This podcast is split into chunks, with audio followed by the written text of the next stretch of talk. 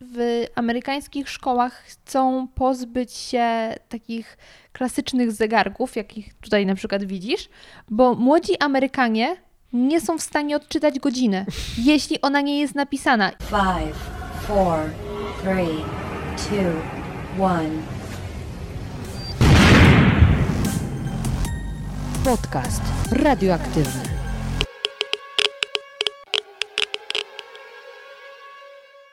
Dzień dobry, dzień dobry! Witam Cię w kolejnym odcinku podcastu radioaktywnego. Zanim na dobre rozpocznę dzisiejszy odcinek, to krótkie ogłoszenia dusz podcasterskie. Chciałabym serdecznie podziękować za wszystkie wiadomości, które dostałam po ostatnim odcinku Co Ty Gadasz. Wspominałam w nim, że z przyjemnością czytam i odpowiadam na wiadomości, które do mnie wysyłacie i wiele osób postanowiło właśnie skorzystać z tej okazji i się odezwać, przedstawić, powiedzieć, co sądzi na temat podcastu i w ogóle pogadać. Przyznaję, że myślałam, że jest to już rzecz oczywista, bo tak często o niej wspominam, a tymczasem dobrze, że wspomniałam, bo to właśnie Was yy, zmotywowało, ośmieliło do tego, żeby do mnie napisać. Także bardzo raz jeszcze dziękuję za to, że do mnie napisaliście, czy to na Instagramie, na Facebooku, czy mailowo. Jest to dla mnie wielka przyjemność z Wami pogadać, a także Was poznać, bo zwykle mówię tak trochę w próżnię. E, A przynajmniej ja mam takie wrażenie, bo nagrywając to wszystko często mówię sama do siebie. A już teraz przechodzę do dzisiejszego gościa, którego osobiście określam mianem dyplomaty 2.0, czyli człowieka, który do stosunków międzynarodowych, do spraw okołopolitycznych y, podchodzi w taki sposób bardzo nowoczesny, czyli odpowiadający moim rówieśnikom, mojemu pokoleniu, czyli po prostu działa w internecie. Moim gościem jest Mikołaj Wąski-Teperek, czyli autor kanału Wąski Channel. W podcaście porozmawialiśmy o tym, czym właściwie są stosunki międzynarodowe. Czy można pod nie podciągnąć rozmowę ze sprzedawcą w amerykańskim supermarkecie albo testowanie tamtejszych hamburgerów. Ale oprócz tego dowiecie się, jacy są obecni milenialsi zarówno w Polsce, jak i w Ameryce, a także w którym z tych dwóch krajów, czy u nas, czy w Stanach Zjednoczonych dłużej trzeba pracować na jedną kawę? Bardzo serdecznie zapraszam Was do wysłuchania naszej rozmowy. Dzień dobry, dzień dobry. Mój drogi, od razu muszę zacząć od kwestii, że nie wiem, Dzień czy dobry to jest... pani redaktor, dzień dobry wszystkim słuchaczom. Przestań, bo zaraz ludzie zaczną pisać, ej, czy to jest wywiad? Nie, to nie jest wywiad, to jest rozmowa. Luźna, to jest luźna. istotne, tak. Y, ale chcę zacząć od kwestii, że nie wiem, czy to jest przypadkowe, czy planowane, że trudno w internecie jest tak z marszu znaleźć twoje imię. Czy to jest zaplanowane? To jest zaplanowane. Ja specjalnie nie używałem swojego imienia, ale e, odkryłem je Odkryłeś dość, dość niedawno, na pewnym etapie, tak. Okej. Czyli teraz już się przedstawiasz z imienia, czy tak jednak wolisz zostać Znaczy- przywąski? Przy- Wiesz co, w ogóle jak, jak poznaję nowych ludzi, to się im przedstawiam Mikołaj. Y, Wśród znajomych i tak dalej. W sensie na przykład niektórzy mnie przedstawią, o to jest wąski, on jest youtuber, czy vloger, czy filmowiec, to ja się przedstawiam, cześć Mikołaj. Od razu jest mindfuck totalny. Okej. E, dobra, to ja to wytłumaczę. Dlaczego nie używam swojego imienia? E, Ponieważ e, od samego początku, nie wiem, to, to dużo historii, może ludzi nie znać tej hi- historii, jakby gdzieś tam mojej zaplecza Aha. czy coś, ale y, ja się zawsze interesowałem jakimiś różnymi, e, wiesz, historią, polityką, teoriami spiskowymi i tak dalej. I mniej więcej, gdy ja zacząłem swoją gdzieś tam pokazywać się w internecie, to mniej więcej był czas, kiedy akcja Snowdena i Wikileaks była dość mocno na topie. Mhm. W związku z tym wszyscy byli takie, o kurde, swoje dane ukrywać, coś tam, coś tam, wiesz, anonymus, te sprawy. W związku z tym uznałem, że inspirując się George'em Orwellem, co nie jest jego prawdziwym imieniem i nazwiskiem, Mhm. albo artystami punk rockowymi jak Jello Biafra, które też nie jest jego prawdziwym imieniem. Albo Violetta tylko... Villas. Polecimy klasykiem. No właśnie i, e, i uznałem, że sobie stworzę e, nick, e, który jest wąski, a ja go używałem sobie w gierkach komputerowych wcześniej w gierkach MMO. I uznałem, nie będę daleko szukał i kombinował, po prostu przy tym zostanę. I wąski kanał, gdzieś tam z polskiego, angielskiego fajnie się łączy, że, że wąski kanał. Tak. mhm. Ale że szerokie roz, rozumowanie albo szeroki świat, jeżeli mówimy o podróżach i społecznych e, tematach. Dobra, bo właśnie... No my- tak w uproszczeniu. nie? Ale Jak super, bo, bo my się gdyby spotka- poznaliśmy przez Instagram, nie? I ja... Znaczy ja widziałem twój podcast gdzieś tam po prostu. No ja widziałam twoje filmy, ale jak gdyby przedstawiliśmy się sobie na Instagramie. I ja tak, wiesz, na początku zaczęłam scrollować, myślę, kurczę, jak ty masz na imię, jak ty masz na imię, nie? I zaczęłam, no wtedy mój stalking, żeby dowiedzieć się, jak Ha. masz na imię. Hech. E, Chociaż potem zauważyłam, że w jednym z QA się przedstawiłeś, z jednym z starszych. E, I wtedy już miałam takie 100% potwierdzenie, jak się nazywasz. Nie wiem, czy użyłem nazwiska, chyba z imieniem Nie, bardziej. imię, imię. Mhm. No, Mhm. Tak, no bo czyli tam ktoś zapytał o imię, no to tam z No. imieniem nie miałem tam tego. Nie? Okej. Ja się nie wstydzę swojego nazwiska, nie wstydzę się Nie, swojego no, rodu, swojej tam, tylko po prostu gdzieś tam nie używałem, ale wiesz co, potem, potem się zaczął problem e, w, tam w pewnym momencie, kiedy gdzieś tam jesteś tym twórcą w internecie i jesteś zapraszana do mediów tradycyjnych i, i, i trochę tak niepoważnie to wygląda, jak pana przedstawić, tak jak masz, nie wiem, posła Piotr Leroy Marzec na przykład, albo e, nie wiem, masz e, Tomasz Gimper Działowy, tak, gdzieś tam po środku jest Mhm. to imię. Tak. No to uznałem, ach kurde, no nie będę się przedstawiał Mikołaj Wąski, bo potem ludzie będą mówić, że to jest nazwisko, to jest trochę niepoważne. Poza tym w pewnym, po jednym z wywiadów w jednej z mm, głównych amerykańskich, ale po polskich tutaj e, stacji e, em, telewizyjnych, gdzie podpisano mnie vloger i przedstawiono mnie jako vloger, to uznałem, że to jest trochę niepoważne, bo też dziennikarze trochę niepoważniej to traktowali. Jak wiesz, czym jest YouTube i tak dalej, no to ty masz świadomość tego, kim jest vloger i że vlogerzy są różni.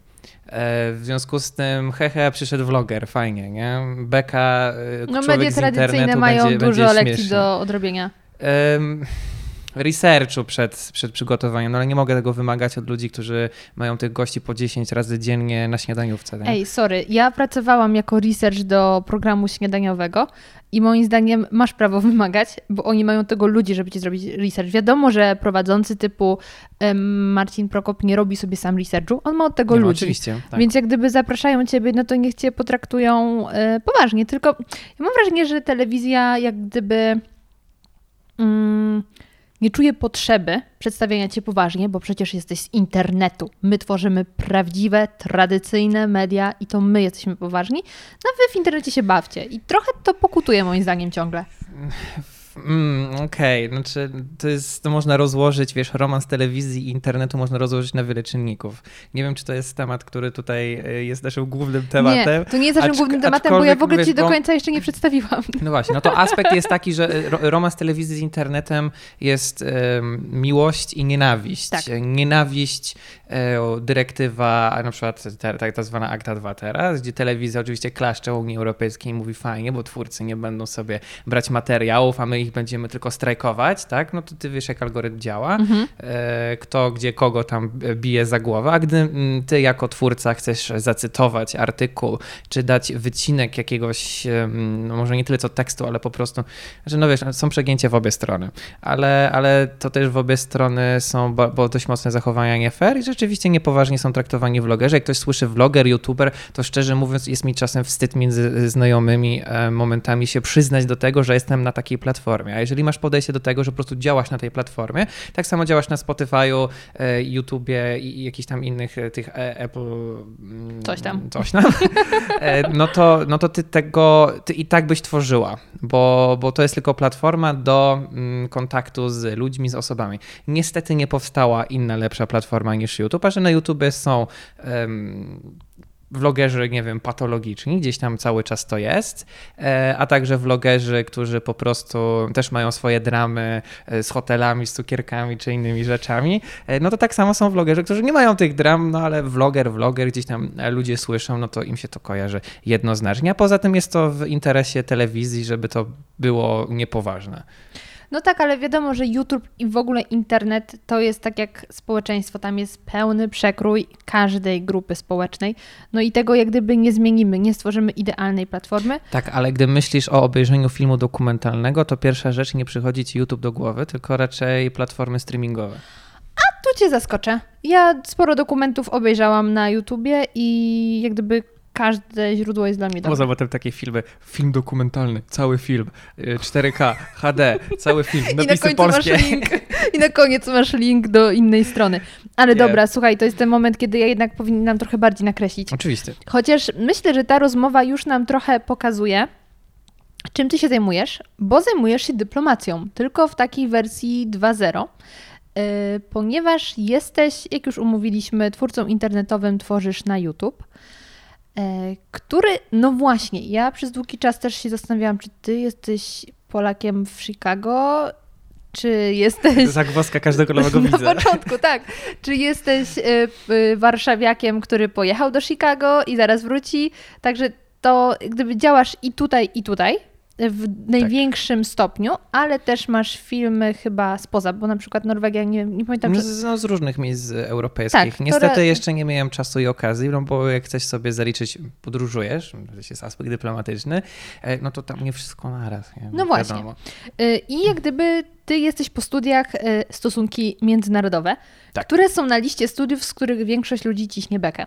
Nie ukrywajmy, to jest y, Dobrze, ten no. sam sort, To są, to są studia widmo. Ja musiałem tłumaczyć swojej rodzinie, co to w ogóle jest. Ale dokładnie, bo Przyjeżdżasz tak na święta wielkanocne, przyjeżdżasz na święta Bożego Narodzenia. Co ty tam jeszcze raz studiowałeś to Mikołaj? Dawaj, jesteś już na trzecim roku, na drugim. Kulturoznawstwo? Wiesz, co roku, co roku musisz to tłumaczyć babci, cioci i dziadkowi.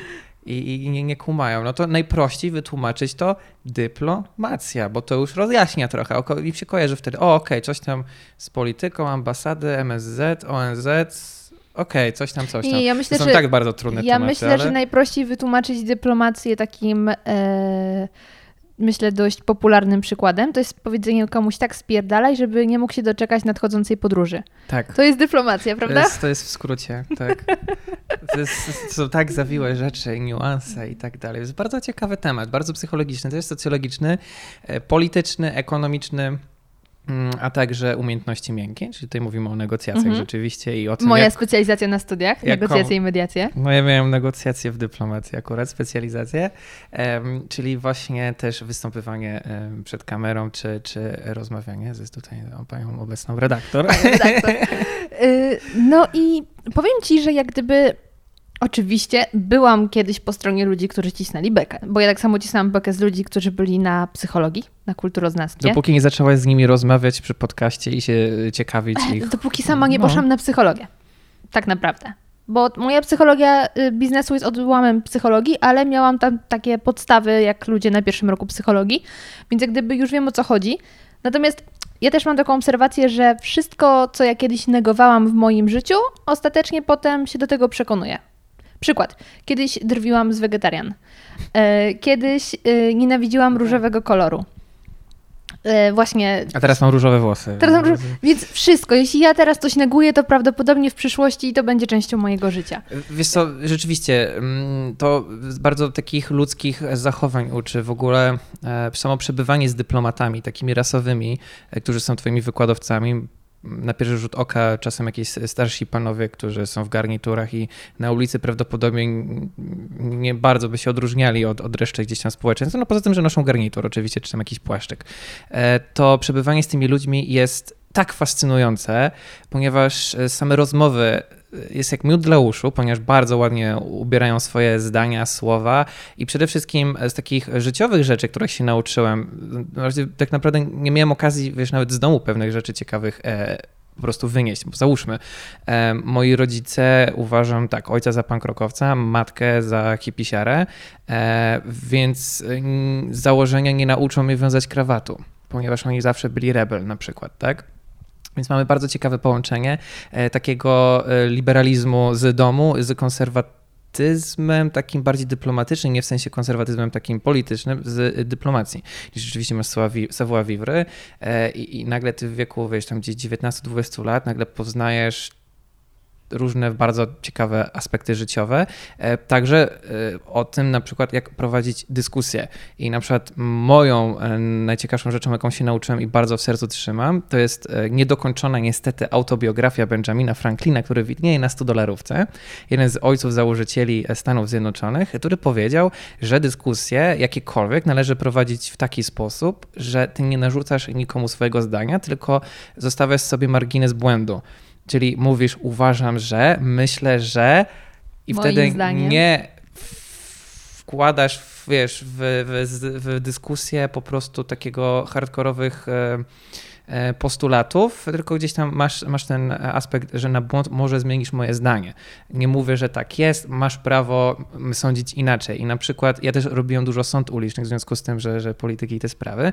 No to na przykład są, sądy uliczne można też przeprowadzić i rozmawiać na różne sposoby. W, Gdy rozmawiamy o polityce, nie możemy grzecznie o tym porozmawiać, ponieważ ludzie mają tak. em, są tak zakorzenieni w swoich, wiesz, bo ty mówiłeś, że się śmiałeś z wegetarian na przykład. Ja teraz robiłem film dokumentalny o weganach. Mhm.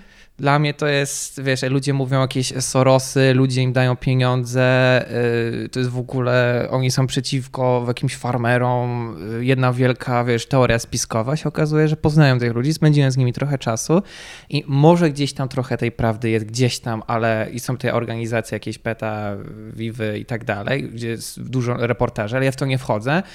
Mówię ze swojej obserwacji, poznałem tych ludzi. To są ludzie, którzy ideowo po prostu wierzą w to, że e, jest problem na świecie, powinniśmy e, industry, e, przemysł zwierzęcy, ten taki rzeźniczy, masowy, czyli te factory farms, źle wpływają na ekologię, na nasze zdrowie, bo jest ma- masowe po prostu je- jedzenie, gdzie zresztą jedna z telewizji nie tak dawno, kilka miesięcy temu nagrała o tych leżakowych e, krowach swój reportaż. To jest dokładnie to, co się dzieje w tym roku. Rok świni po prostu chiński. E, Ja jestem świnią chińską. Także, także e, w ten sposób, e, trochę przez przypadek, może trochę przez znaczenie, ale ten temat, który wrócił teraz akurat w tym roku. Mm, No i ja nie mogę powiedzieć, że, że to są źli ludzie. Nie? Można ich nazywać lewakami, prawakami, chcecie, nie wiem, doprowadzić do bankructwa rolników, którzy świnki hodują, tylko że my nie mówimy tutaj o, o takim teksańskim, e, a propos Teksasu, tutaj e, kartka, e, teksańskim, wiesz, bydle, gdzieś tam sobie jest... Prezencik. Ka- kartka ze Stanów Zjednoczonych Don't mess with Texas Women. Women z, z dedykacją ze Stanów. Dziękuję jeszcze raz. Em, i, I wiesz, i e, poznajesz tych ludzi, rozmawiasz z nimi i, i mają swoje gdzieś tam racje. I na przykład e, mnie to do weganizmu nie przekonało, aczkolwiek e, o wiele mniej mięsa jem i jak widzę gdzieś tam to mięso, byłem, też w rzeźni, byliśmy w wielu miejscach nagrywać ten, te, te, te materiały, no to wiesz... Wielu moich gdzieś tam widzów uważa, uważa mnie za youtubera prawicowego, a powiem ci, że to nie jest tak, że dyplomacja czy polityka jest y, czarno-biała, czy, czy są takie szarości i odłamy, że ym, jak się spojrzę przed tym świnką po prostu wiesz w oczy, to, to trochę zmienię zdanie. Nie? I, i, I myślę, że na tym też polega rozmowy z ludźmi, poznawanie innych kultur ym, i także podróżowanie. I myślę, że na tym polega też dyplomacja. Po prostu na, na rozmowie z różnymi ludźmi i, i, i- to nie jest tak, że ty wiesz, przyjeżdżasz, nie wiem, do e, byłego komunistycznego Wietnamu i się obrażasz, że oni mają, wiesz, e, flagi. Chociaż e, byłem i specjalnie pojechałem do Portugalii na 24 czy 5 e, kwietnia, gdzie oni mają swoje święto w Portugalii i na przykład oni swoje święto, tak jak zresztą obchody pierwszomajowe w Niemczech, w Berlinie, e, po prostu wywieszają, wiesz, Karola Marksa i tak dalej. No to są ludzie, którzy nie doznali komunizmu, my to wiemy z perspektywy historycznej, ale no ja tam nie pójdę i nie, nie, nie będę im jakoś tam wydzierał tego, aczkolwiek no są to jakieś aspekty bu- bulwersujące zawsze. Dlatego się nie dziwię, że ludzie się w sumie kłócą, ale też bez przesady, rozmawiajmy ze sobą, nie? w sensie wszyscy dzielimy tą samą gdzieś tam planetę, nie? Powiem Ci, jesteś doskonałą wizytówką stosunków międzynarodowych i pewnie żałowałabym, że nie wybrałam tego kierunku, gdyby nie to, że ja naprawdę bardzo, bardzo wybitnie nie interesuję się polityką. Więc jak gdyby wolałam pójść na mój kierunek, którym jest więcej aspektu ludzkiego Mhm. niż polityki. Chociaż no niby To każdy... też jest aspekt ludzki. Tylko Tak. mówimy o społecznościach bardziej niż... Tak, więc mnie bardziej gdyby Wall Street interesuje i machlojki niż mm, polityka i jakieś tam podstawy prawne, które często się też łamie. E, ale tak, jak gdyby aspekt polityczny mnie w stosunkach międzynarodowych odrzucał, natomiast cudowne jest, jak uczy się otwartości i przy, właściwie tak naprawdę Ciężko jest mi stwierdzić, czy na wszystkich stosunkach międzynarodowych tak na jest. pewno, bo to też wszystko zależy od jednostki, ale Nie, myślę, że to zależy od uczelni prywatnej, a publicznej. a myślisz? Tak, Bo jest, ty byłeś jest, na prywatnej. Jest, ja byłem na prywatnej i cieszę się, że byłem na prywatnej i że miałem taką możliwość, e, bo ponieważ poznałem też ludzi z innych stosunków międzynarodowych, na z e, publicznych uczelni, Mhm. Nie chcę tutaj oczywiście nazwami rzucać, e, i, i jest po prostu inne podejście, ponieważ my byliśmy klasy 10-30 osobowe, gdzie masz okazję naprawdę sobie porozmawiać z tymi dyplomatami na trochę głębsze tematy jest na to czas, niż, niż gdy masz, wiesz, aulę e, czy grupy, tam nie wiem, 100-200 osób dość często. Że, że to jest już masuwa i, i wiesz, i ty jesteś u pani pod y, dziekanatem i ty jesteś numerkiem y, w dzienniku y, elektronicznym. I jeszcze niemile i coś widzianym. Tam, nie? Także jest kompletnie inne podejście i wydaje mi się, że to też ma dość spory aspekt, nie? bo przyjść na wykład i sobie słuchać, a przyjść na wykład i dyskutować to są kompletnie inne tryby nauczania i nie mówię, który jest gorszy, który jest lepszy, ale ja wolę ten. Znowu dyplomacja. Cudowne.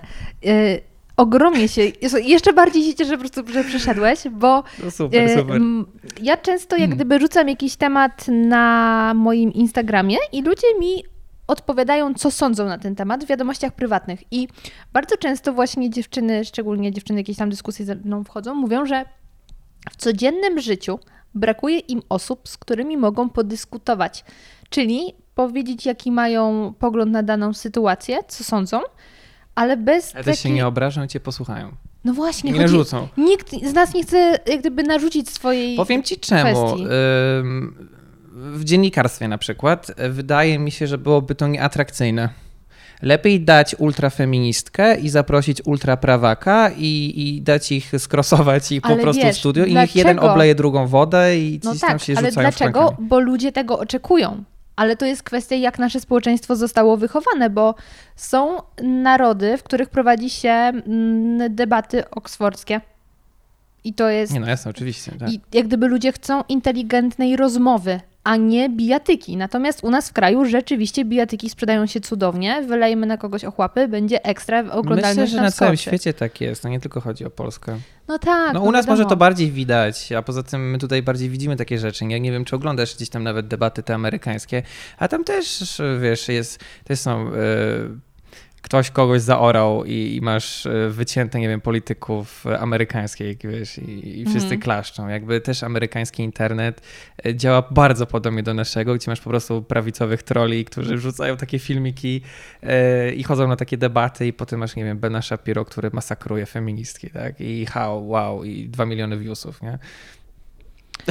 Więc ludzie lubią takie masakry lubią. sobie pooglądać, wiesz, argu argumentów e, i to jest bardzo fajna przyjemność rozwalić kogoś na argumenty, ale to jest trochę mm, inny rodzaj dyskusji. Nadal może być dyplomatyczny i fajnie się to ogląda i, i dyskutuje, em, ale rzeczywiście na tych uczelniach i tych debatach takich no jest tam trochę, trochę bardziej wyluzowane, aczkolwiek e, też, też mieliśmy zajęcia, gdzie, gdzie kazali nam się wręcz zabijać e, i te negocjacje miały być takie ultra hardkorowe, Twarde. i, i, i, I mówili, że no ludzie, tutaj mówimy o wojnie, nie? Tutaj mówimy, że raz mamy się na sztylety walić e, po mordach i sobie bombki atomowe zrzuca się. U, bo zaraz będzie tutaj ten, że- żeby nie było, bo za słowo wojna algorytm też chyba blokuje. Serio? Więc e, uważamy tutaj na słowa. E, Okej, czyli poprawność polityczna na platformach internetowych. Hmm. Em, tak. Zapomnij o poprawności, to przede wszystkim idzie na Spotify, tam nie ma algorytmu. No, no to w takim razie możemy mówić, jak to leci, kto komu co przywalił. E, No tak, no w sensie dyplomata to nie może być też taka e, grzeszna osóbka. No, no ten- oczywiście. Cz- Czasem, wiesz, sytuacja wymaga od ciebie bardzo hardkorowego podejścia. Jak to powiedziała Anna Fotyga, była minister spraw zagranicznych, że to były hardcore negotiations. E, No, to naprawdę mm, zaintrygowałeś mnie tymi studiami. No, na konkretnej uczelni, tak? Bo wiemy, jak wyglądały Twoje studia, nie na, nie na innych. No, żałuję, że nie mogłem na przykład studiować też za granicą dłużej. Bo powiem ci, że wiesz, porzuciłem jednak te studia tam po pewnym, po ich skończeniu. Nie dalej, dalej tego nie kontynuowałem, bo zająłem się filmami. I, I wiesz, po prostu co robi dokumentalista, nie? Co robi tam dziennikarz? No rozmawia z tymi ludźmi, a mnie po prostu jarał taki aspekt y, praktyczny tego wymiaru dyplomacji, a jednak wiesz, siedzenie 90% czasu za biurkiem niespecjalnie ci pozwala na tyle takich ciekawych rozmów, tylko siedzisz w papierkach, Mhm. a tych rozmów nagle jest 10%. Jak jesteś dokumentalistką, dziennikarzem, no to słuchaj, no, twoja praca w pewnym sensie, czy tutaj, czy dzięki Patronite'owi, czy dzięki czemukolwiek, wychodzi na tym, że no, ty zapraszasz gości, sobie rozmawiasz. No, Ja, ja chcę robić to samo, wiesz. Ale powiedz mi, czy Ty siebie traktujesz jako bardziej dziennikarza? Nie, raczej nie. Dziennikarze kompletnie nie. Bo czy, powiem tak, mnie na przykład dziennikarstwo w obecnych czasach w ogóle nie jara. I ja nie chciałabym być dziennikarką. Znaczy, powiem tak, no, po, po, nie, nie stajesz się dziennikarką po dziennikarstwie. No to na pewno. E, W pewnym sensie można powiedzieć, że trochę aspektów dziennikarskich tutaj jest, przynajmniej researchowo, jesteś przygotowana, no, że masz mikrofony, no, no to jesteś... No, Jestem panią redaktor, kto, no kto, kto, ktoś, ktoś, kto tutaj się nie zna, no to powie, no, no dziennikarka, nie? No tak. Ale teraz jest era podcastów. No właśnie, tylko y, ja mam wrażenie, że dziennikarze zamykają się w jakichś takich pewnych jednak ramach. Jest A- problem z dziennikarstwem, bo, bo jest nieobiektywny coraz bardziej, jest coraz bardziej przekupny i jest y, od razu, o to ten jest dziennikarz prawicowy, jest dziennikarz lewicowy, y, a dziennikarz obiektywny nie jest atrakcyjny. Więc ch- chyba już ten podcast byłby lepszy, albo po prostu niezależny jakiś tam twórca, youtuber. Tak, oczywiście. No właśnie, że tak. To jest chyba ten aspekt, y, czy ty tworzysz na swoje konto, czy podlegasz pod redakcję telewizję, bo zawsze No jak właśnie, będziesz nie? podlegać pod jakąś redakcję, nie będziesz do końca obiektywny, bo Znaczy, Jesteś masz, tego rozliczany masz różne trochę. też rodzaje cenzury. Tutaj mówimy o cenzurze rzeczywiście ekonomicznej, czy, czy jakiejś tam cenzurze, czy cenzurze, no okej.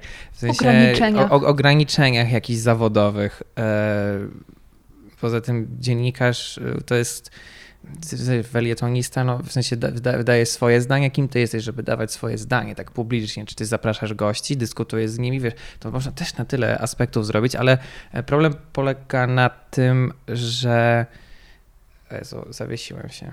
Dziennikarz. Mm, cenzura ekonomiczna także poza e, światem dziennikarskim, ponieważ ty, jeżeli powiesz parę słów za, za dużo, możesz mieć rzeczywiście sytuację, gdzie tutaj trzeba dyplomatycznie to rozwiązywać.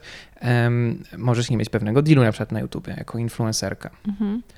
Coś, z czym się gdzieś tam już widziałem i spotykałem, może nie u siebie, ale u innych, czy gdzieś tam większych na przykład. E, tutaj mm, teraz e, nie wiem, kiedy puścić ten podcast, ale wiesz, jest, jest dużo tematów społecznych, e, czyli, czyli szybko. E, strajki nauczycieli. Zauważ, że żaden influencer się nie podjął tego tematu absolutnie. Ktoś może puścił raz na jakiś czas parę osób gdzieś tam posta na Facebooku, ale mało osób nagrało na te tematy, zrobiło poszczególną analizę, porównało do innych krajów. Dyplomacja, stosunki międzynarodowe. Jak gdybym miał trochę więcej czasu, prawdopodobnie rozłożyłbym to na czynniki pierwsze, porównał z innymi systemami edukacyjnymi i nagle mogli, mielibyśmy rozważania, czy system, o znowu wracamy do tematu, publiczny czy prywatny. A jeżeli publiczny, to w jaki sposób i prywatny na jaki sposób. I możemy, wiesz, patrzeć na właśnie Stany Zjednoczone yy, i, i wiesz, i, s- y, wielkie student loans i student debts i, i wiesz, i strajki e, uczniów, którzy, którzy chcą oni to mówią darmowej edukacji, znaczy to nie jest darmowa edukacja, bo to jest jednak wszystko z naszych podatków. Mm, I to są problemy społeczne, które są na całym świecie. Jaki system jest idealny, czego byśmy chcieli i w jaki sposób. Ja, jak komuś wiesz, powiedziałem tak- w Stanach, że moje studia kosztowały 200 dolarów miesięcznie, to oni się łapali za głowę. Ile mogą kosztować studia prywatne w Polsce? Wychodzi na to, że 200 dolarów miesięcznie. Mniej więcej. No, Nie? taką droższą uczelnią jest Dla. Koźmiński i on ma czesne mm, średnio 1000 y, złotych miesięcznie. Oczywiście pomijamy y, przykład uczelni typu medycyna prywatna, bo to już jest inna bajka, nie? Y, ale no, Koźmiński jest jedną z droższych uczelni w Warszawie, to jest 1000 miesięcznie. U mnie to było niecałe 700 zł.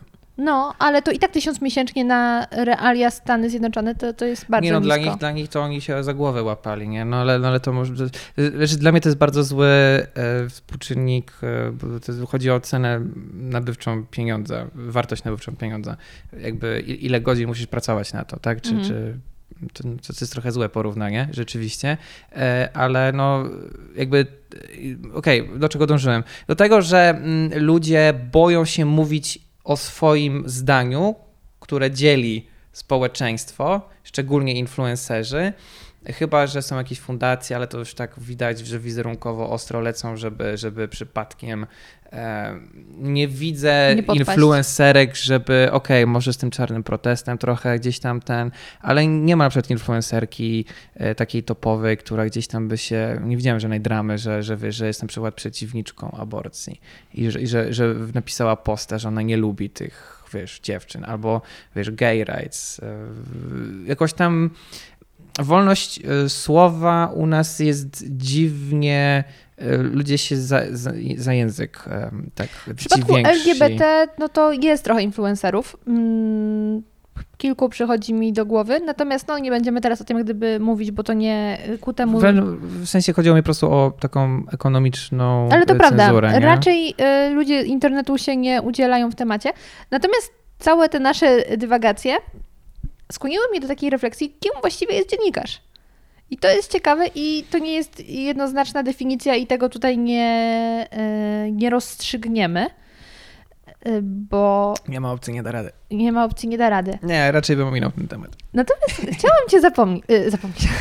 Nie zapomnieć. Chciałam Cię zapytać, bo y, oglądając takie kilka Twoich vlogów, tak pojawiło mi się w, pojawiło mi się w głowie pytanie, ponieważ Ty często, właśnie nie wiem, czy zaczynasz, czy kończysz, chyba zaczynasz vloga, y, że tutaj wąski Chicago, Illinois, nie? No kończę. Tak, to jest takie jak okej. Max Kolonko, No właśnie, nie? i chciałam Cię zapytać, czy Ty kiedyś chciałbyś być takim Mariusz Max Kolonko, Boston, Massachusetts?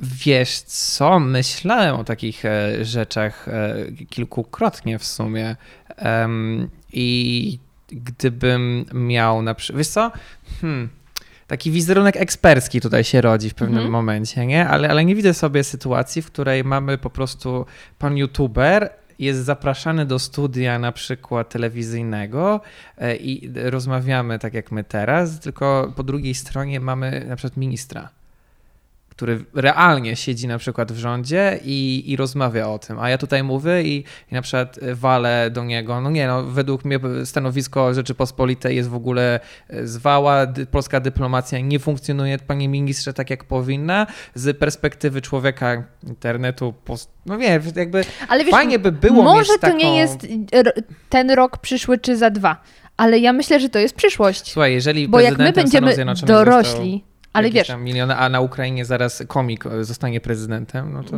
w ciekawych czasach przyszło nam żyć. Natomiast y, chodzi mi o to, że gdyby nasze pokolenie, które już siedzi w internecie, w przyszłości, no też będzie gdzieś tą y, polityką się zajmowało. W Oczywiście, mniej no tak. udany lub bardziej sposób. Mhm. E, No i gdzie będziemy szukać ekspertów? W naszym środowisku. Gdzie jest nasze środowisko? To jest internet. Więc moim zdaniem to jest W pewnym przyszłość. sensie to jest długofalowa inwestycja i ja, jak zakładałem kanał na YouTube, to był kanał bardziej polityczny niż teraz. Em, w związku z Do tym... tego zaraz też dojdziemy. Tak. Moja grupa na Facebooku nazywa się Elektorat Wąskiego. I ja miałem propozycję startowania w wyborach teraz do Parlamentu Europejskiego i do samorządowych wyborów. Miałem takie propozycje z różnych ugrupowań. I nadal piszą do mnie kolejne ugrupowania, czy nie będę się udzielał, jeżeli nie politycznie, to czy mógłbym zrobić na przykład, widzisz, to jest placement na przykład e, taki, jesteś influencerką ze swojego tematu, na przykład beauty, no to przy, się do ciebie odzywają, czy, czy zaplacementujesz, a tu nagle, wiesz, przychodzi ktoś, ej, czy zrobisz wywiad na przykład z naszym kandydatem, czy zrobisz vloga z naszym Aha. posłem, albo coś w tym stylu. Albo czy zareklamujesz, zachęcisz ludzi do głosowania, ale nie na nas, tylko ogólnie, żeby ludzie po prostu poszli do wyborów No to jest akurat europejskich. spoko. To jest bardzo spoko kampania, że w sensie zachęcenie ludzi, e, no są, są tragiczne, wiesz, cy- cyfry, że ludzie mało głosują, a, a wiesz, masz, masz e, w niektórych krajach obowiązek głosowania i karę, jeżeli nie pójdziesz do głosu, chyba w Szwajcarii.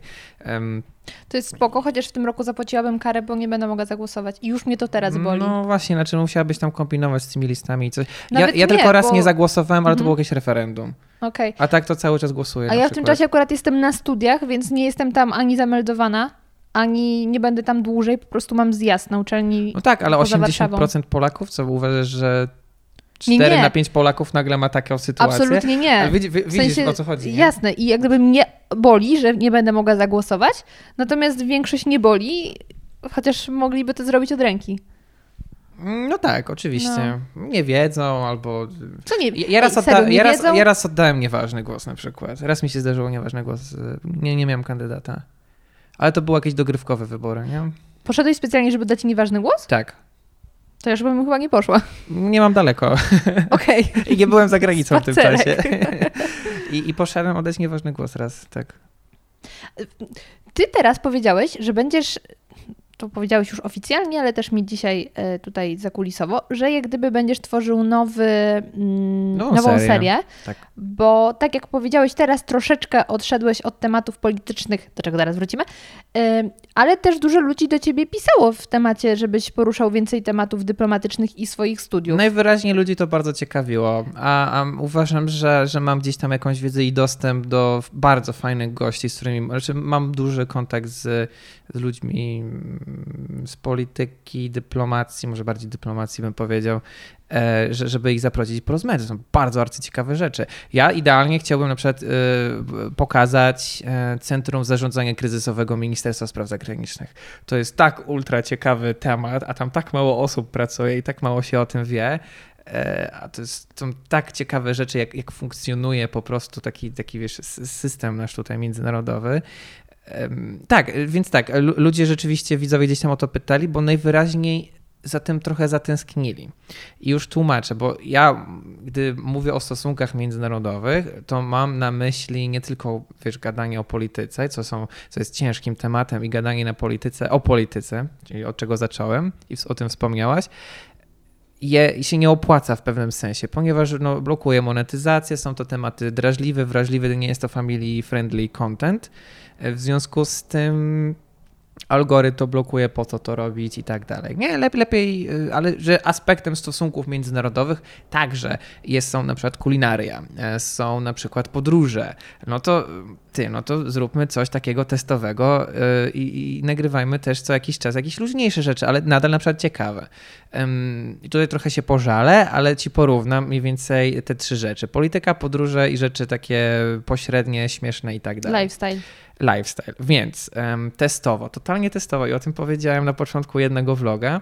Nagrałem vloga o recenzji e, sklepu spożywczego Ale poczekaj, poczekaj, ja nawet mam print screena, bo ja do tego chciałam nawiązać, że film o spożywczaku Ponad pół miliona e, wyświetleń. 576 tysięcy. Drugie miejsce to jest Fast foody. fast food w USA, część pierwsza, 279 tysięcy. Potem fast food w USA, część druga, potem norweska 106 Utopia. tysięcy. Potem dopiero norweska Utopia I 79 chyba znowu tysięcy.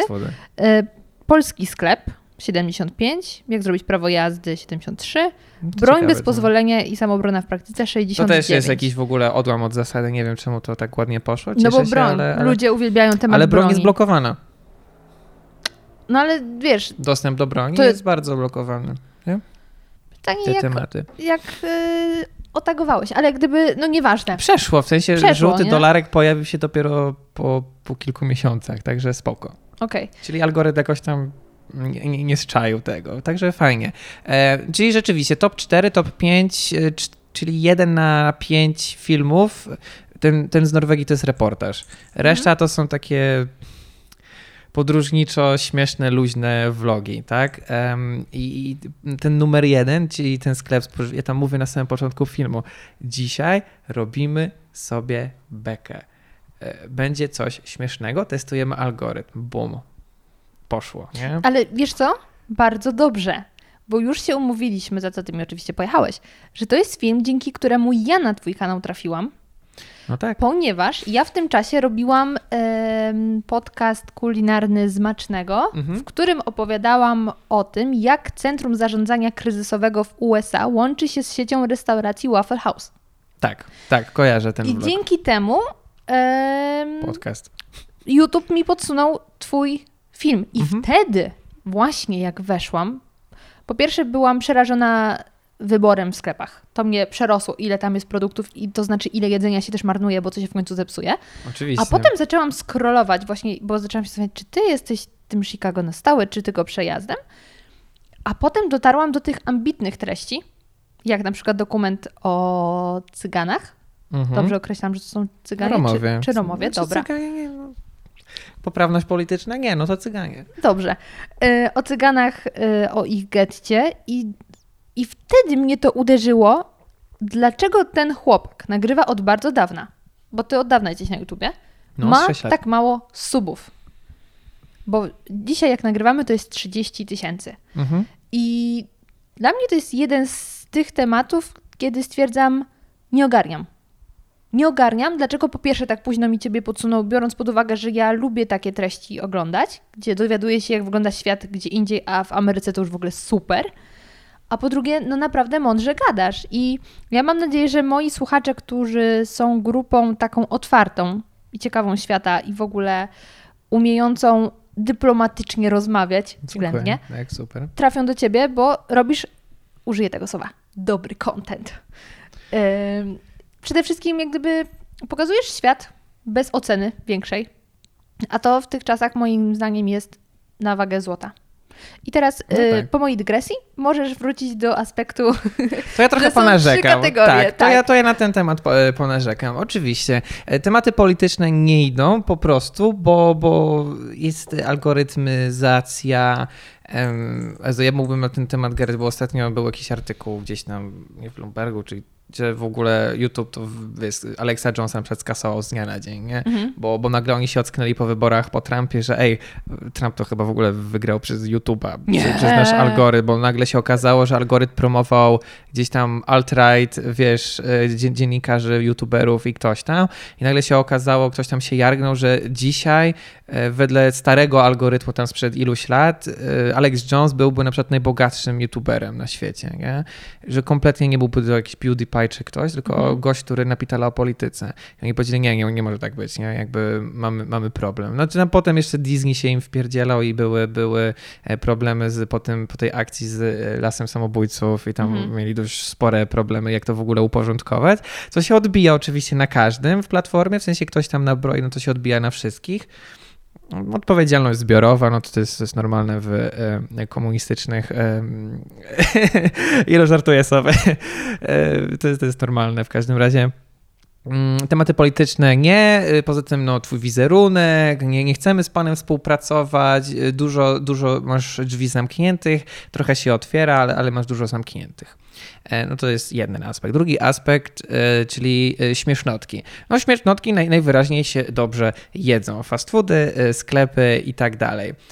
I teraz ty jako psycholog mm, tutaj możesz się wypowiedzieć, że co tych ludzi interesuje, nie wiem, ale w związku z tym, że jest podaż czy popyt, na tego typu rzeczy, no to teraz uwaga z kwestii ekonomicznej, nie możemy się na to obrazić, ponieważ rynek zweryfikował.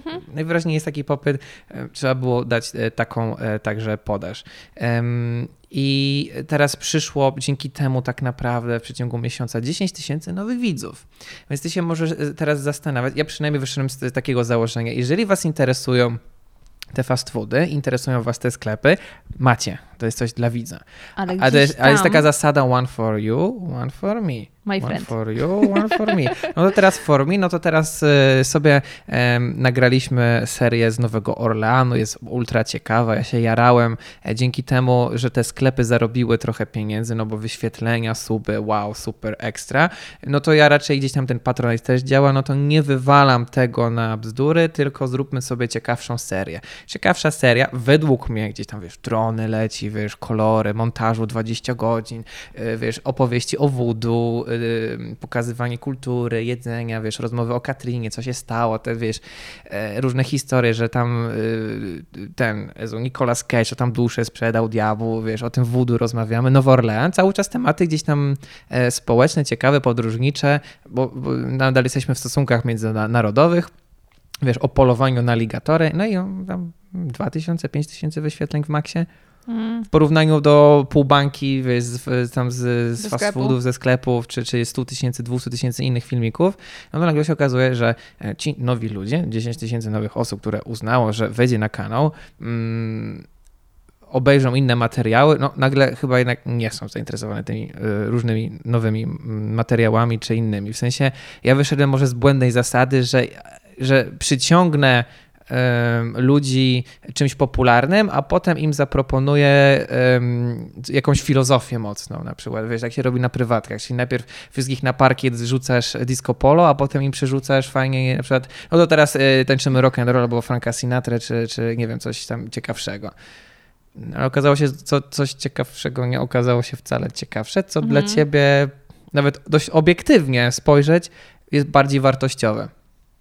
No Więc to masz duży problem. To jest bardzo frustrujące, to ryje banie wręcz, a w pewnym momencie na przykład napisał do mnie patron i powiedział, ej, poziom spadł. Robisz sklepy, nie na to się umawialiśmy, nie? Patron, który, który, który wiesz, chciał tych ciekawych rzeczy i, i uznał, że on będzie dawać pieniądze na te cie- ciekawe rzeczy. I ja mu odpowiedziałem mailem, że słuchaj, no dzięki temu, że zrobiliśmy te sklepy, przyszło dużo nowych widzów. Em, Także budżet się zrobił na to, dzięki temu możemy zrobić na przykład nowe, ciekawsze vlogi czy nową serię. Tak naprawdę dzięki temu możemy na przykład nagrać ciekawy film dokumentalny, zaprosić gości. No to są jakieś tam koszty eksploatacji, dojazdu, No jakieś tam coś, nie? A zrobienie, wiesz, pójść do sklepu, no to, co to mnie to kosztuje, nie? Jakby easy come, easy go. E, I do niego tak przemówił ten argument, że on wyższe stawkę podwyższył na przykład, nie? I mówi super, dobrej robo dobra robota, to ja czekam w, cierpliwy na te, na, na, na, te, na te ciekawe rzeczy. E, I wiesz, no to jest dość bolesne. Mm, Znaczy taki patron to złoto, ale, ale to jest dość bolesne, że rzeczywiście masz taką frustrację.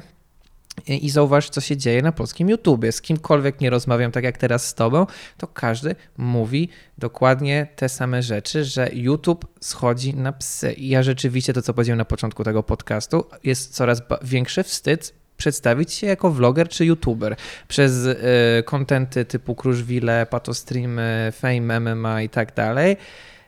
No ale z drugiej strony, ja jako gdzieś tam e, siebie uznaję jako takiego ultralibertarianina, wolnościowca, nie mogę być na to zły. Rynek zweryfikował. Jedyne, co możemy zrobić wedle naszej idei, to jest edukować, tworzyć dalej i najlepiej to po prostu dalej mocno w jakiś sposób finansować i się nie poddawać, ale ile może pociąg, wiesz, na pustym baku przeciągnąć do przodu, przejechać? Cierpliwość, no nie wiem, do końca Ja życia wiem. tego raczej robić nie Wiem, będziemy. y, Za, za jedziemy takie, w tym samym wagonie, Nie? że tak powiem, nie? No tak do, do trochę. pewnego czasu możesz się bawić, ale potem jednak dochodzisz do wniosku, że nie masz za co kupić sobie żarcia. No i właśnie to chciałem powiedzieć, nie? Tak. Y, więc jak gdyby... To jest clue dla mnie właśnie tej, tej rozmowy tutaj, No. że, całe to przychodzi do jednego punktu. Natomiast y, mam nadzieję, że w tym momencie prognozy Wojtka Kardysia, z którym znamy się, e, oboje był też gościem podcastu, się sprawdzą i on powiedział, że jak gdyby YouTube się zaczyna zmieniać i musi się zacząć zmieniać, gdzie tych śmiesznych i patologicznych kontentów będzie mniej i zaczną być promowane treści wartościowe. Znaczy, no wiesz, ja też nagrywałem parę takich śmiesznych, może nie patologicznych, ale śmiesznych kontentów. Ale słuchaj, śmieszny kontent też jest super i każdy z nas Nie, no też jasne, czasem ma dla każdego coś ochotę... dobrego, nie? Dokładnie. tym nie bardziej, musimy że- cały czas być pod krawatem i na tym też polega mój kanał, że, że z jednej strony sobie potrafimy porozmawiać o bardzo ciekawych rzeczach, a razem pójść i zrobić to samo tylko przy hamburgerze na przykład, tak? Ale słuchaj, ja chcę tutaj e, wspomnieć o Twoim najnowszym filmie, który, jeśli pozwolisz, nawet fragmenty wrzucę, żeby słuchacze mogli Ależ usłyszeć. proszę bardzo. W którym wybrałeś się do sklepu, nie sklepu, przepraszam, tylko do sprzedawcy samochodów w Stanach Zjednoczonych. I Mhm. moim zdaniem to jest jeden z tych takich luźniejszych filmów, ale dla mnie absolutnie fascynujący, cudowny, bo mimo, że nie zastanawiam się, jaka jest sytuacja na Bliskim Wschodzie, to dużo się dowiedziałam. Dowiedziałam się tak naprawdę, jak wygląda takie normalne życie w Stanach Zjednoczonych, Mhm. bo my zachwycamy się tą Ameryką, do której też na pewno przejdziemy, bo przecież nasza rozmowa umówiliśmy się już trzy miesiące bardzo. temu, że ona będzie długa. Proszę E, bardzo. Przychodzisz do tego salonu i tam czas się zatrzymał. Przecież pan sprzedawca mówił w tym filmie, nie liczyłam, ale może... Chicago polskie się zatrzymało w latach 80. Ale słuchaj, się. jak on co chwilę powtarzał słowo autko, tak? On mówił autko. Autko, fajny Mercedes. Fajne autko, super autko, y, samochodzik i takie... Ja to puszczę, bo to jest po prostu przeurocze. Okej, autko ma Bluetooth. Najważniejsza rzecz jest Bluetooth. Masz wszystkie opcje z telefonu podłączone do fajnego autka. Autko ma fajną skórę, tapicerkę, masz podgrzewane, podchładzane foteli. Z każdej strony, i z tyłu, i z przodu podgrzewane. Autko ma kamerę do cofania, sensory dookoła, żeby fajne autko, drogę nie poobijać. Piękny szyberdach na lato, żeby pooglądać sobie piękne gwiazdka. Autko ma bardzo dużo siły, ósemka silniczek, AMG Package, 57 tysięcy mil, autko przejechane, jak nówka, zapraszamy do Millennium na Mercedesa fajnego. To jest ten content, który jest lekki, ale nie można powiedzieć, że to jest ogłupiające, To jest bo to mem, to daje jest ci mem. ale to ci daje spojrzenie na społeczeństwo. Dlatego ja uwielbiam oglądać dokumenty, bo jak obejrzę komedię, to ona być może sprawi, że będę miała lepszy humor, jeśli jest dobrą komedią, a nie bardziej, która mnie zasmuci poziomem.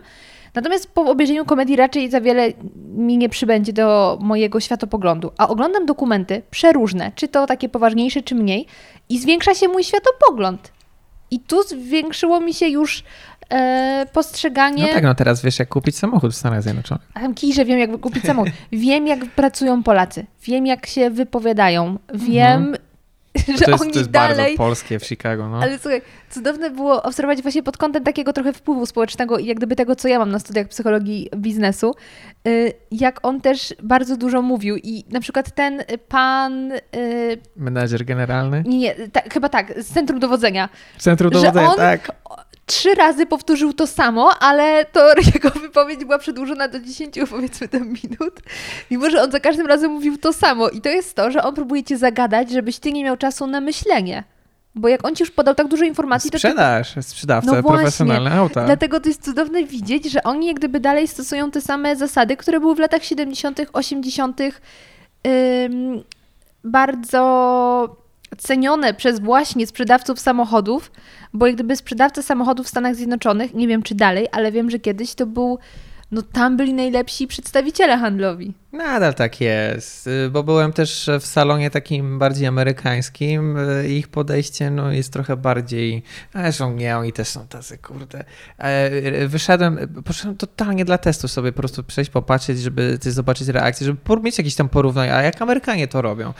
E, I tam byłem totalnie bez kamery, ale y, ja wyszedłem z tego salonu z żalem od sprzedawcy, że ja w ogóle nie kupiłem tego samochodu. On, on, on mi tak na psychologię już zaczął wkręcać, że no tak, jasne, nie, w ogóle nie kupuj tego samochodu, nie, po co ci, wiesz.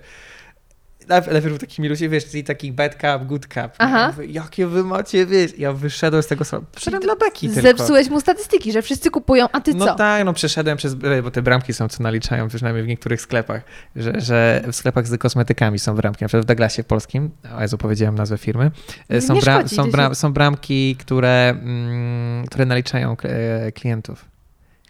Oni mają tam... Zrób sobie czytniki? kiedyś podcast z dziewczyną, która pracuje w takim tym, jak one się tam biją o sprzedaż na przykład kosmetyków i tak dalej, jak naliczają potem, żeby mieć premię. Wow. Tam jest dopiero wyścig szczurów. Wow, muszę No. znaleźć taką osobę. Zna, musi znaleźć, musi znaleźć. Y, Niesamowite. Dziewczyny, jakie któreś tam pracuje, Zapraszam, czy, czy, czy, zapraszam do kontaktu. Bo ja E, myślałam, to że to są tylko stricte temat. bezpieczeństwa, a tam są tam są liczniki, potem im się nabija, wiesz, menadżerce, że ej, było tysiąc klientek, a ty możesz tysiąc razy sobie przejść, wejść, wejść, wejść, wejść i one potem patrzą na ciebie i się rzucą na ciebie, kurde, jak tygrys, że co pan robi? Chodzę sobie, wychodzę. Ty Statystyki psujesz, nie?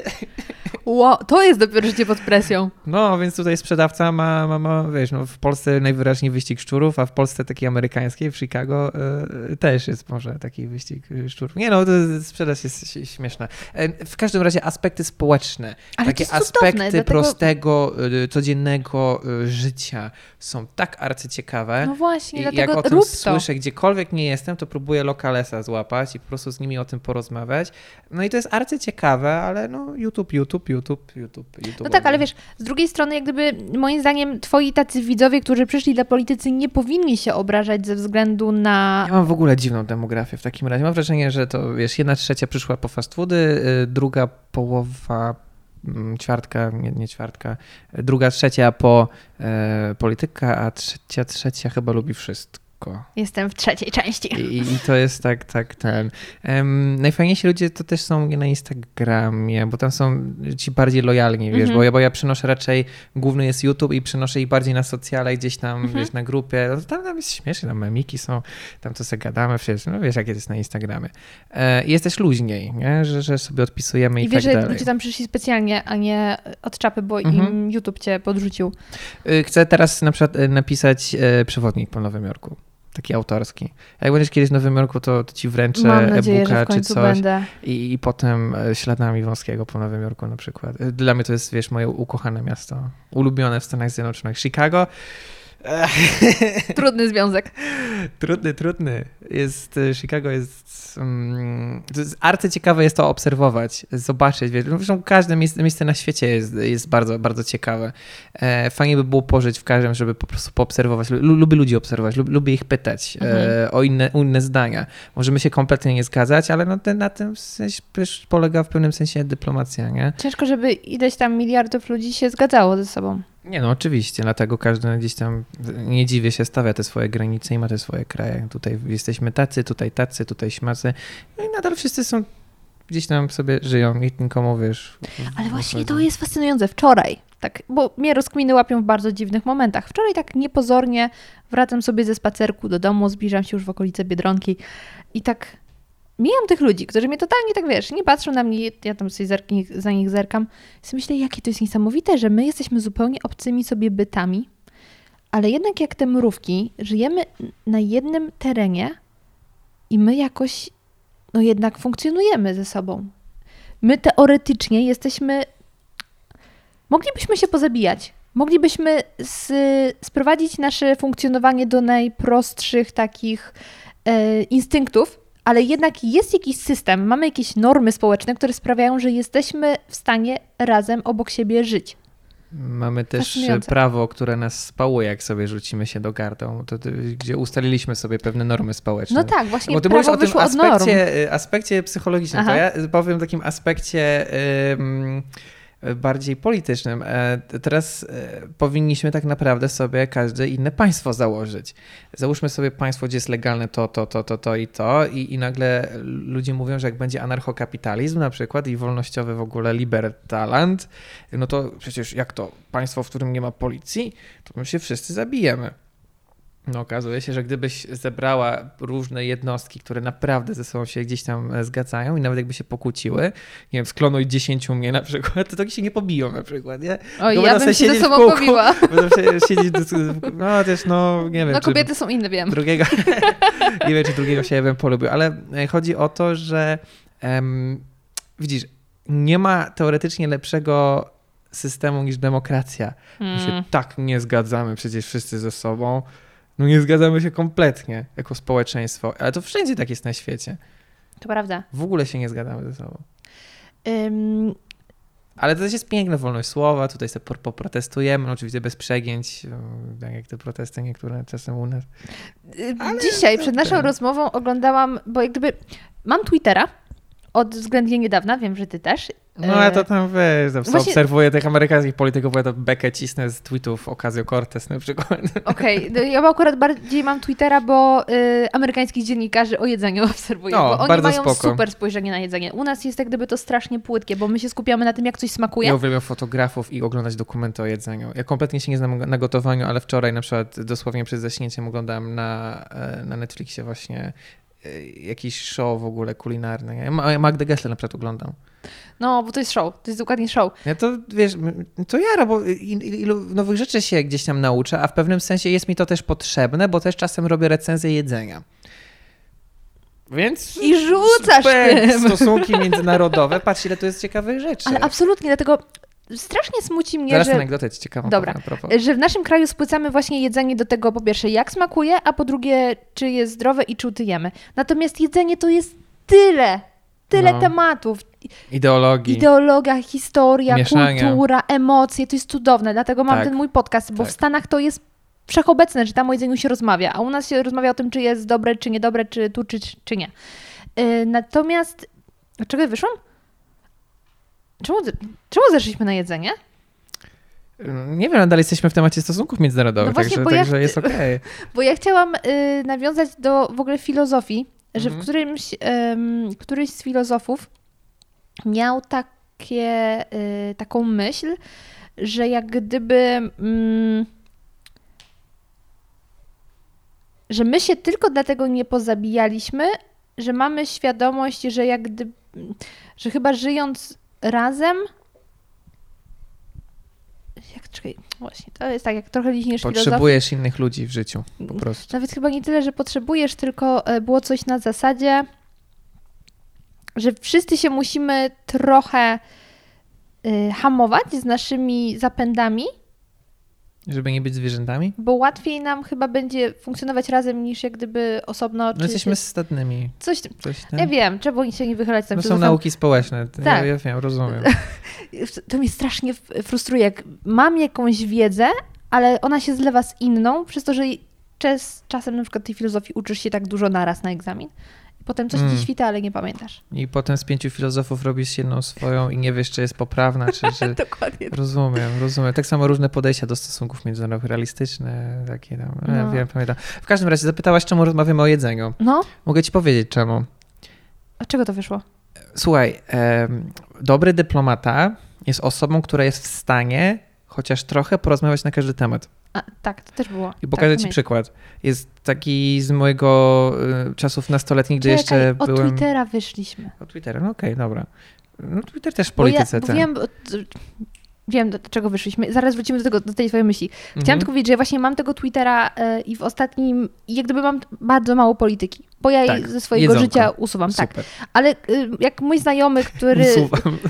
Tak. Jak, y, jak mój znajomy, który totalnie żyje polityką, czasem coś tam polubi, no to mi to wyskakuje. I widziałam em, nagranie z, chyba z wczoraj, jak był protest nauczycieli, właśnie ci nauczyciele tańczyli poloneza. I z jednej strony Hmm, spoko, z drugiej strony trochę śmiechłam.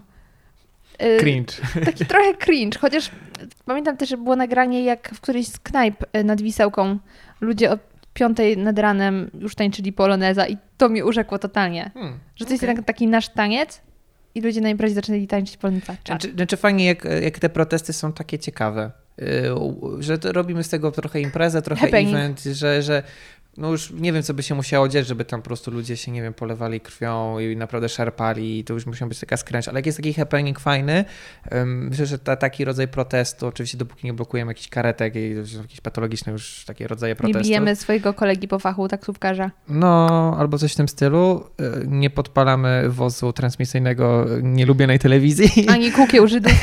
No to gdzieś tam jest okej, nie? Mhm. No, w sensie, no ja szanuję własność prywatną i, i raczej, raczej jestem na tak. Ale zapytałaś o to jedzenie, czemu o tym jedzeniu rozmawiamy? No tak, to już tak, ci już tłumaczę. Teraz, już tak, Ponieważ tak. dyplomata jest w stanie rozmawiać o każdym temacie, przynajmniej trochę. Mhm. I mam przykład ze swoich e, czasów nastoletnich, takich bardziej punk rockowych. Chociaż nie, jakbyś mnie poznała trochę bliżej, to też mam takie, wiesz, to nie jest tak, że podkrawa cały czas. Nie, nie. W każdym razie. No, jeśli tacy rodzice, to wiesz. E, dam ci anegdotę ze swoich czasów nastoletnich i anegdotę jednego z moich ukochanych ambasadorów, e, ambasador Dziemidowicz. em, powiedział, został wysłany do Sudanu jako świeżak. E, I jego pierwszą misją przy pierwszym spotkaniu jest coś takiego, że się papiery dostaje dyplomatyczne, tak, takie namaszczenie, musisz, każdy nowy ambasador przychodzi do prezydenta i musi tam zostać odprawiony, nie?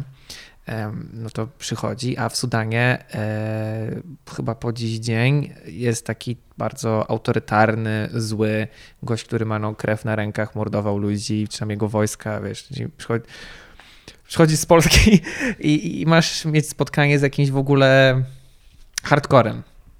E, No i przychodzisz na to i, i, i twój kraj, e, Polska, mówi ci, masz wynegocjować nową placówkę dyplomatyczną z typem, który morduje ludzi, nie? Bo mamy taki pomysł. No to cześć, przychodzimy sobie, witamy, gadka, e, szmatka i, i e, teraz jak, jakie argumenty dasz kolesiowi, który no hardcore, generalnie hardcore negotiations. Okazało się, e, że nasz, to też, e, dlaczego, jakich dyplomatów gdzie wysyłasz, to, Mhm. to zaraz opowiem, bo to jest ultra ciekawe. Em, więc e, ten dyplomata, pan ambasador, okazało się, że kiedyś nieopodal był na studiach archeologicznych. I akurat w miejscu, w którym Polska sobie zażyczyła chęć posiadania placówki dyplomatycznej, jakiegoś konsulatu, no to ten ambasador wyjechał, że a, bo macie takie piękne miasto. A ten gość mówi, no rzeczywiście, to jest bardzo fajne miasto. A on mówi, a bo ja kiedyś e, byłem archeologiem, a tam macie bardzo fajne, ciekawe, historyczne tam wykopaliska, ja słyszałem, że coś tam e, robicie. Tyle wystarczyło. I gość po prostu, ten wiesz, totalitarny władca, król czy ktokolwiek zaczął mu mówić, no i my tam kopiemy, my- to, wiesz, tam się zmieniło, tam jest teraz w ogóle super, tam to ludzie są szczęśliwi. A co, a czemu o to pytasz? A, bo chcielibyśmy placóweczkę mieć e, naszą. A, chcę, a to spoko, to, to fajne miejsce sobie wybraliście, bardzo fajne. Koniec tematu, wiesz, rozmowa dwie minuty. W pewnym sensie totalny przypadek, ale w pewnym sensie ty nawet jako mm, dyplomatka e, nie znająca się, tylko umiejąca po prostu zrobić research, wiedziałabyś, że e, to miejsce ma takie inne aspekty i mogłabyś zahaczyć o taki temat, na przykład, nie wiem, em, załóżmy, e, co lubisz jeść? Jakie ciasto lubisz na przykład jeść? Murzynek mamy. Burzynek mamy. to jest trochę kontrowersyjne. no to okej. Dobra, zostajmy przy szarlotce. Załóżmy, że przy- przychodzę przez przypadek totalnie z szarlotką. Mhm. Nie, do ciebie. Tylko musiałem gdzieś to wystarkować i zresearchować, ale, ale załóżmy, o, bo przyniosłem ciasto, zaprosiłaś mnie na podcast. Od razu wiesz, jakbyś zaplus, zaplu, bym zaplusował. Na przykład jak ktoś gdzieś, e, nie wiem, mm, znaczy to jest trochę przekupstwo w pewnym sensie i, i, i trochę takie głupie aspekty, ale na tym też polega niuansowość dyplomacji. Plusujesz sobie wrednie czy niewrednie na każdym polu. Oczywiście dyplomację też można robić totalnie na, w drugą stronę. Chińczycy tak często robią. Na przykład przytrzymując naszych dyplomatów w mm, ch- hotelach, które są daleko od miejsca negocjacji, albo w pomieszczeniach bez klimatyzacji, żeby ich tylko albo każą czekać i, i każą ci być przed czasem, a potem długo każą czekać na spotkanie. To są już triki psychologiczno-negocjacyjne, Tak, tak, tak. o czym na pewno wiesz. Y, Zastanawiam się, to byli Japończycy, czy właśnie Chińczycy, Chińczycy. Którzy e, A, okej, no. w czasie II wojny światowej żołnierzy amerykańskich totalnie przegabacili na swoją stronę. Nie wiem, czy nie byli Japończycy. Mm, No, Chińczycy raczej tam nie brali zbyt dużego udziału w że właśnie wojnie. Japończycy tak. Zakład- Zostawiam sobie margines błędu, że to mogli być Chińczycy, ale wydaje mi się, że Japończycy tak zmanipulowali amerykańskich żołnierzy, którzy byli zakładnikami, Mhm, że ci możliwe. po, po jakimś tam czasie e, sami zaczęli e, Kochać cesarza. kochać cesarza i mówić, że Ameryka nie jest tak zajebista jak jest, bo po prostu małymi kroczkami najpierw musieli gdzieś tam na forum się podpisać pod jakimś zdaniem, Mhm, które nic nie jest znaczące. No podpisujesz zdanie, że dobra, ten człowiek nie jest taki zły. mhm. Ale potem te kroczki były coraz dalsze, coraz dalsze. W końcu sami musieli napisać list przeciwko Ameryce i tak dalej. I totalne pranie mózgu. I to była największa siła właśnie e, tego kraju. Kapelsik.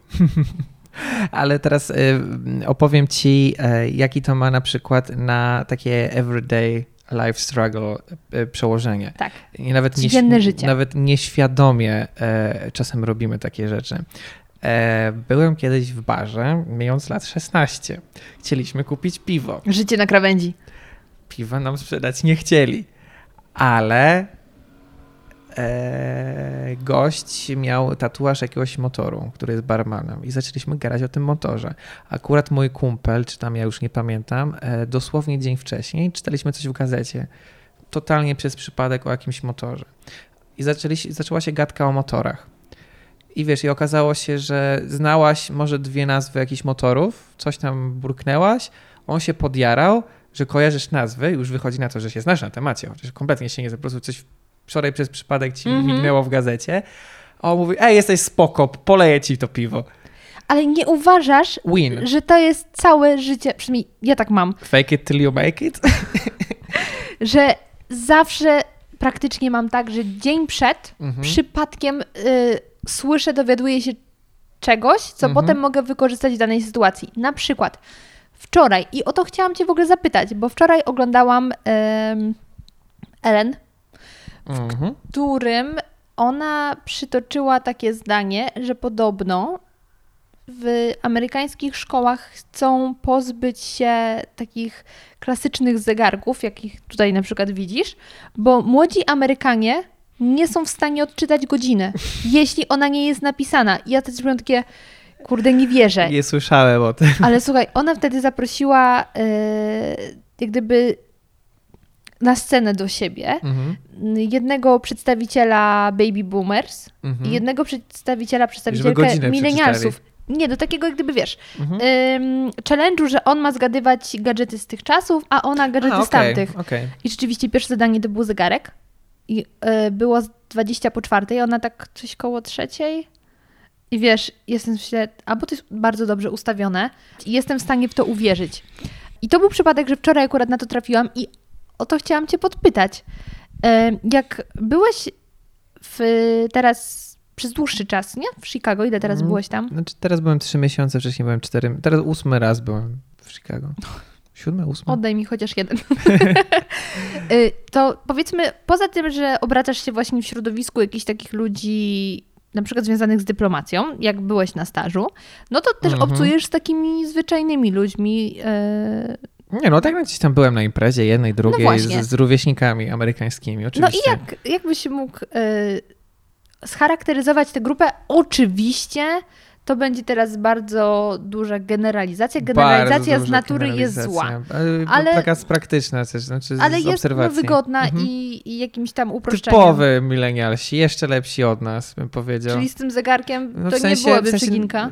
Wiesz co, no to jest taki typu dobrobyt, że potrafią się umówić koleżanki tylko po to, żeby sobie pojeździć samochodem w tej i we w te, bo nie mają co robić. Paliwo jest tanie. Akurat biorę wiesz, samochód to rozumiem, bo ja czasem sama biorę mój samochód i jeżdżę po Warszawie bez celu, bo jeżdżę, lubię jeździć. No Okej, no w sensie ja bym też tak, to super, nie? Ekstra. Um, Okej, jakie było pytanie jeszcze raz? Jacy są właśnie Amerykanie młodzi? Amerykanie? E, W różnych tam aspektach. Wydaje mi się, że są bardzo roz, tacy roztrzepani. Są tacy nieogarnięci. Tak, kurde, no ale w sumie każdy jakiś tam, może nie tyle co nastolatek, ale dwudziestolatek, no to tak jest tak i nawet u nas. No, na pewno takie pierwsze różnice, jakie się postrzega, to jest ubiór. Mhm. Em, ale to też jest różnica. W Nowym Jorku są bardzo eleganccy ludzie. Hmm. Mm, Myślałam, że właśnie tam są tacy ta, ta, hipsterzy. tam, no ale tam masz te korpo, te, znaczy masz hipsterów, masz cały Brooklyn, Williamsburg e, i tak dalej, ale znaczy może inaczej, jest więcej elegant, może nie cały czas, bo to też jest jest więcej eleganckich ludzi dobrze ubranych. W sensie jak patrzysz na Polki, Polki noszą i faceci i panowie płaszcze. My, my nosimy płaszcze. U nich się rzadko nosi płaszcze na przykład. U, u, u nich się nosi po prostu bomber jacket, e, jeans jacket, em, kurteczkę, puchówkę, dres. W sensie to jest, to jest norma wyjść, wiesz, chodzić po dresie cały dzień, w leginsach na przykład dziewczyny. W upalne dni mają takie bardzo skąpe, pośladki już, wiesz, aż, aż widać e, takie sportowe, bardzo na sportowo Amerykanie Mhm. chodzą. W sensie w związku z tym, że dużo czasu spędzasz w samochodzie, jednak ubierasz się też wygodnie. E, bardzo są wygodniccy, ale pod względem takiej mentalności, oczywiście wiesz, też, też buty sportowe. Bardzo, bardzo bardziej sportowo. Mm, My mam wrażenie trochę bardziej tak dbamy o takie detale. No to czekaj, no to ubierają się bardziej elegancko, czy jednak bardziej sportowo? Zależy gdzie, w Nowym Jorku jest, A, jest okej, okej. W Nowym okej. Jorku jest tak bardziej e, europejsko, bym powiedział, a w, w takich miastach, gdzie jest dojazd, no w sensie Nowy Jork i Chicago różni się przede wszystkim tym, że e, Chicago dużo jeździsz, dojeżdżasz. No to już do- do- słyszałam, do że jak gdyby tam trudno jest chodzić, bo są duże odległości. No, w sensie nie załatwisz nic bez samochodu raczej w Chicago. E, W Nowym Jorku poradzisz sobie, e, jeżeli jesteś tam w obrębach metra, e, czyli dość, dość sporo tego Mhm. jest. Ca cały, cały Manhattan, Brooklyn, trochę Jersey, Queens i tak dalej. A jeżeli chodzi o mentalność, ty no ciężko jest ocenić po wiesz, tam dwóch, trzech imprezach. Mam znajomych też sporo imigrantów, e, czy pierwszego, czy drugiego pokolenia. Zazwyczaj nawet, nawet zerowego pokolenia, czyli po prostu imigrantów, nawet w naszym wieku. Mam kumpla z Dominikany, który mieszka w Nowym Jorku, mam kumpla Polaka z Jersey. No to oni są tacy, nawet bym powiedział, ogarnięci, nie? Bo, bo też nie wiem, czy ludzie, którzy są za granicą, nie są bardziej tacy mm, właśnie, że nie są u siebie, to są trochę bardziej e, zmobilizowani. A, a tam, jak tak się obserwuje, no to tak. No, milenialsi, milenialsi, tosty z awokado to jest sprawa, ale to jest super, ja to uwielbiam. W sensie oczywiście wszystko z jakimś takim mm, umiarem, e, w sensie nie róbmy z siebie takich totalnych debili, ale ja uważam siebie za takiego typowego amerykańskiego milenia. Ja uwielbiam wyjść, wyjść na, na kawkę, tak? Ja, ch- ja chcę na tyle godnie żyć, zarabiać i móc, że, żeby mieć po prostu. Teraz wrzucam odcinek e, w ten weekend jutro, tak? E, Jak nagrywamy ten miniony weekend, e, jak słuchamy, mm, gdzie porównuję, ile możesz e, kupić za godzinę pracy w e, Stanach, a ile za godzinę pracy w Polsce Ależ to będzie smutne. pracując na tym samym stanowisku. I tutaj porównuję tak średnio, nie wiem, kelnera bez tipów, e, nie wiem, baristę załóżmy. Mhm. E, Na przykład pracujesz, nie wiem, w Starbucksie. W Polsce 12-14 zł na godzinę, e, tam też te 12 dolarów załóżmy na godzinę. I więc ile możesz kupić za jedną godzinę pracy tam, na tym samym, identycznym stanowisku, tam a tutaj, tak? W jedną godzinę. 12 dolarów, 12 zł. No i okazuje się, że przychodzisz do Dunkin Donuts albo do Starbucksa, no i w Dunkin Donuts, akurat tutaj e, przykład Dunkin Donuts, czyli takiej tańszej kawiarni, ale nadal bardzo popularnej. W Polsce, w jakiejkolwiek kawiarni e, kupić sobie latte albo cappuccino. Jedną kawę, tak? Jedną kawę. Mhm. A tam dokładnie za tyle samo, nie mówię, że za 12 zł, tylko za 12 dolarów, czyli za jedną godzinę pracy, wartość nabywcza pieniądza, bo tym najlepiej sklasyfikować różnicę. Kupisz e, jedną kawę, pączka, dwa wrapy śniadaniowe i krosanta z e, jajkiem i e, kiełbaską. A więcej dowiecie się oglądając vloga, ale już mam ból dupy.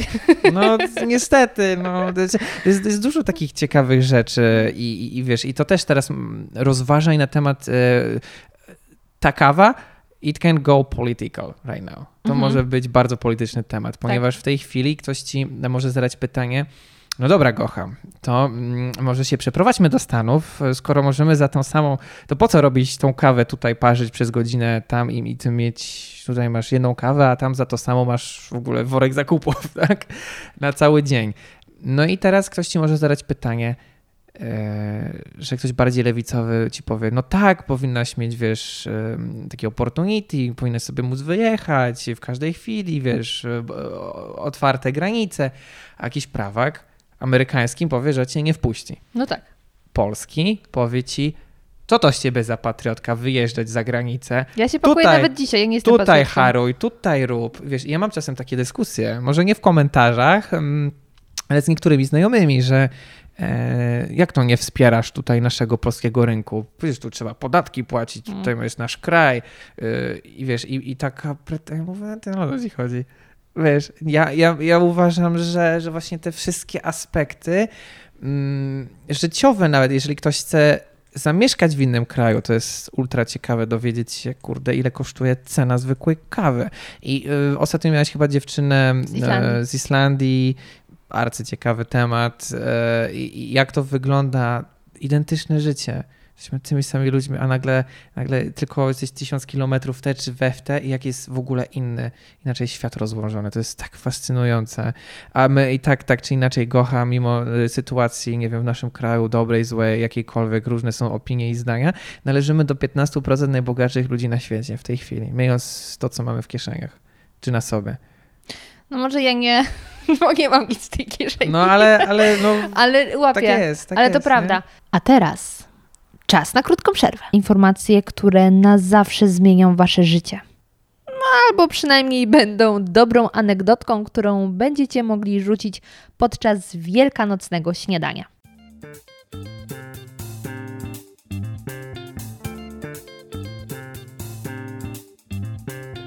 Pierwsza z nich dotyczy mostu Karola w Pradze.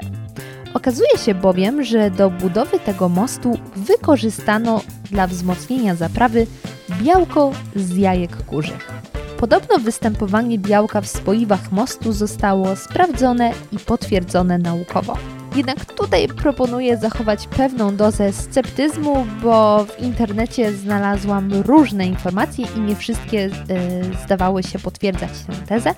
Natomiast cała legenda brzmi następująco. Podobno cesarz Karol IV kazał przywieźć okolicznym gminom 15 tysięcy jaj na budowę mostu. Plotka głosi, że jaja przywieziono, lecz nie zrozumiano dokładnie w jakim celu zostały one zamówione i aby zapobiec ich zniszczeniu w czasie drogi, postanowiono ugotować je na twardo i dopiero wtedy dostarczyć do Pragi. Na widok ugotowanych jaj wściekły cesarz kazał zjeść wszystkie jaja osobom, które je przywiozły. Na niektórych stronach w internecie znalazłam również informację, że podobno w rocznicę budowy mostu przechodniom rozdaje się jajka ugotowane na twardo, ale nie znalazłam potwierdzenia tej informacji. Jeśli więc macie jakąś wiedzę na ten temat, być może zostaliście poczęstowani jajkiem, to bardzo Was proszę dajcie mi znać, bo jestem ciekawa, czy warto tego dnia pojechać do Pragi i dostać darmową wyżerkę. Fragment zawierał lokowanie. Lokowanym produktem był podcast Zmacznego.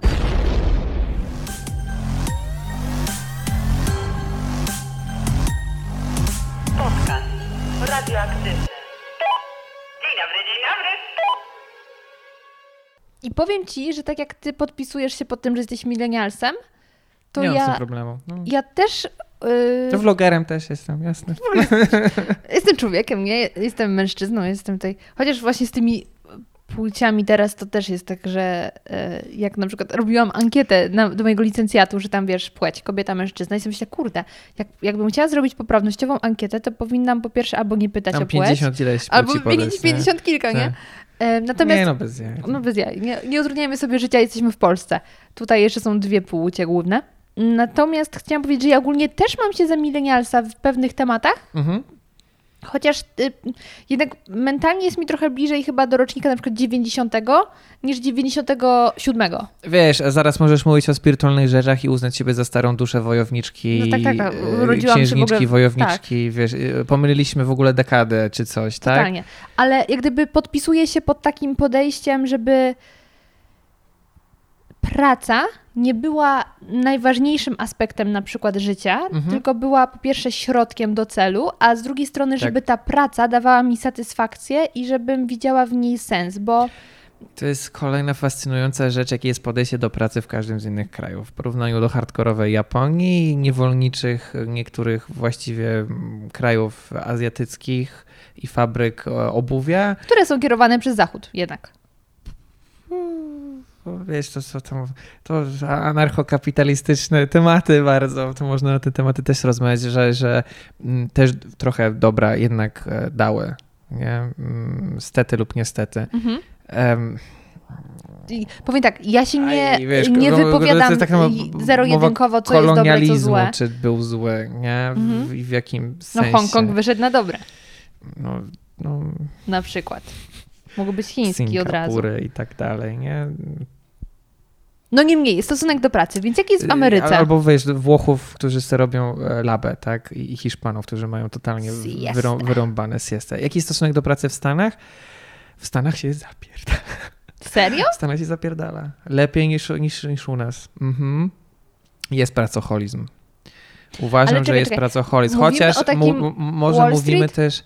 Czy bardziej A to takim zwyczajnym wiesz co, życiu? imigranci zapierdalają. A, no to imigranci, tak. Imigranci Zawsze jesteś imigrantem, to musisz cholera. gdzieś zapieprzać. Ale Amerykanie chyba też. Amerykanie Hmm. sami. Tutaj masz tak, kredyt do spłacenia jeden, kredyt do spłacenia drugi. Yy, cytując, cytując klasyka z ostatniego filmu Samochorow Człowiek, bez kredytu jest zerem. Tam jest mnóstwo dobrych Odpierdolą cytatów. tekst. mnóstwo Człowiek bez dobrych. kredytu jest zero. A czy widzisz, to ja sobie nawet specjalnie tego nie wyjaśniałem. Ja wiem, o co mu chodziło, że, że tam budujesz sobie e, historię kredytową. Nie? Najpierw Mhm. kupujesz laptopa na kredyt, telefon na kredyt.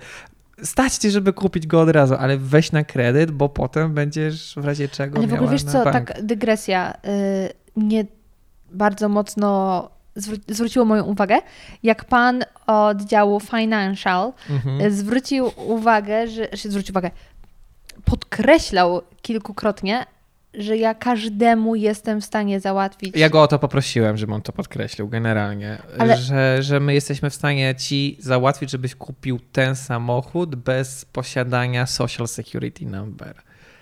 Ale to, to mi właśnie od razu przypomniało Big Short, kiedy ludzie, wiesz, kupowali wszystko, bo mogą, mogą, mogą, bo Mhm. przecież dostają kredyt, no to mogą, ale jak gdyby potem spłacać? Mamy spłacać ten kredyt?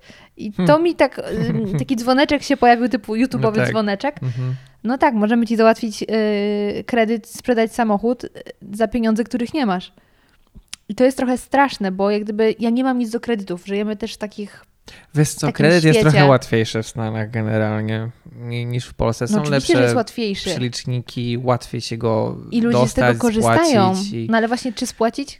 Bo wiesz, No okej, no, No, jest Big dużo, dużo tematów, wiesz, no okej, kryzys od razu. Tak, racja, ale no, gdzieś tam z głową to wszystko trzeba ogarniać. Kredyt nie jest zły jak na warunki amerykańskie. No. kredyt w ogóle jest dobrym rozwiązaniem. W życiu bym nie wziął Polsce kredytu, ale jak myślę i mieszkałbym tam, to miałbym takie. Można to zrobić oczywiście z rozsądkiem, ale nie ma, nie ma takiego awersu do brania kredytu, myślę. No dobra, tylko wiesz, Wciskają ci te karty kredytowe, dostajesz. no i to je jest straszne, bo ludzie, No to jest niepotrzebne totalnie. ale ludzie to biorą, bo nie myślą o konsekwencjach. Jest, jest też inna kwestia, nie ma edukacji w tym aspekcie. No Nigdzie tak, na no świecie. właśnie. nie uczyć tego w I- szkołach. Jeśli na opakowaniach do butów w Stanach Zjednoczonych trzeba pisać, czego nie można robić z tym pudełkiem, typu nie wsadzać do mikrofalówki. Albo żeby nie zjadać e, worków tych do, do prania. Tak. Tak, i to im trzeba, wiesz, Bo napisać, bo, na bo mogą to pokazać na YouTubie. A z drugiej strony od ręki dajemy Ale wiesz czemu kredyt. to piszą? Bo jest taki system prawny. Lepiej napisać. Ktoś No cię wiem, bo pozwie. tam gdzieś Boga Przepraszam, było napisane. Małymi No. literami, ale było nie jadać. Koniec. Bo nie no, ktoś ci, kurde, jak tam laska pozwała y, McDonald'sa za to, że y, gorąca kawa była i się oparzyła. A tak, to nawet... A teraz wszędzie, wszędzie było napisane, Mhm. że hot Nawet content. ostatnio na, o tym na studiach wspominali, dlatego jest to w Stanach, y, w Stanach, w McDonaldzie napisane, że uwaga, hot stuff, hot content. Mhm, no pra- hot stuff, wiem. Y, Prawo, prawo mm, amerykańskie jest tutaj śmieszne. To tam lat, latają pozwy i to jest super.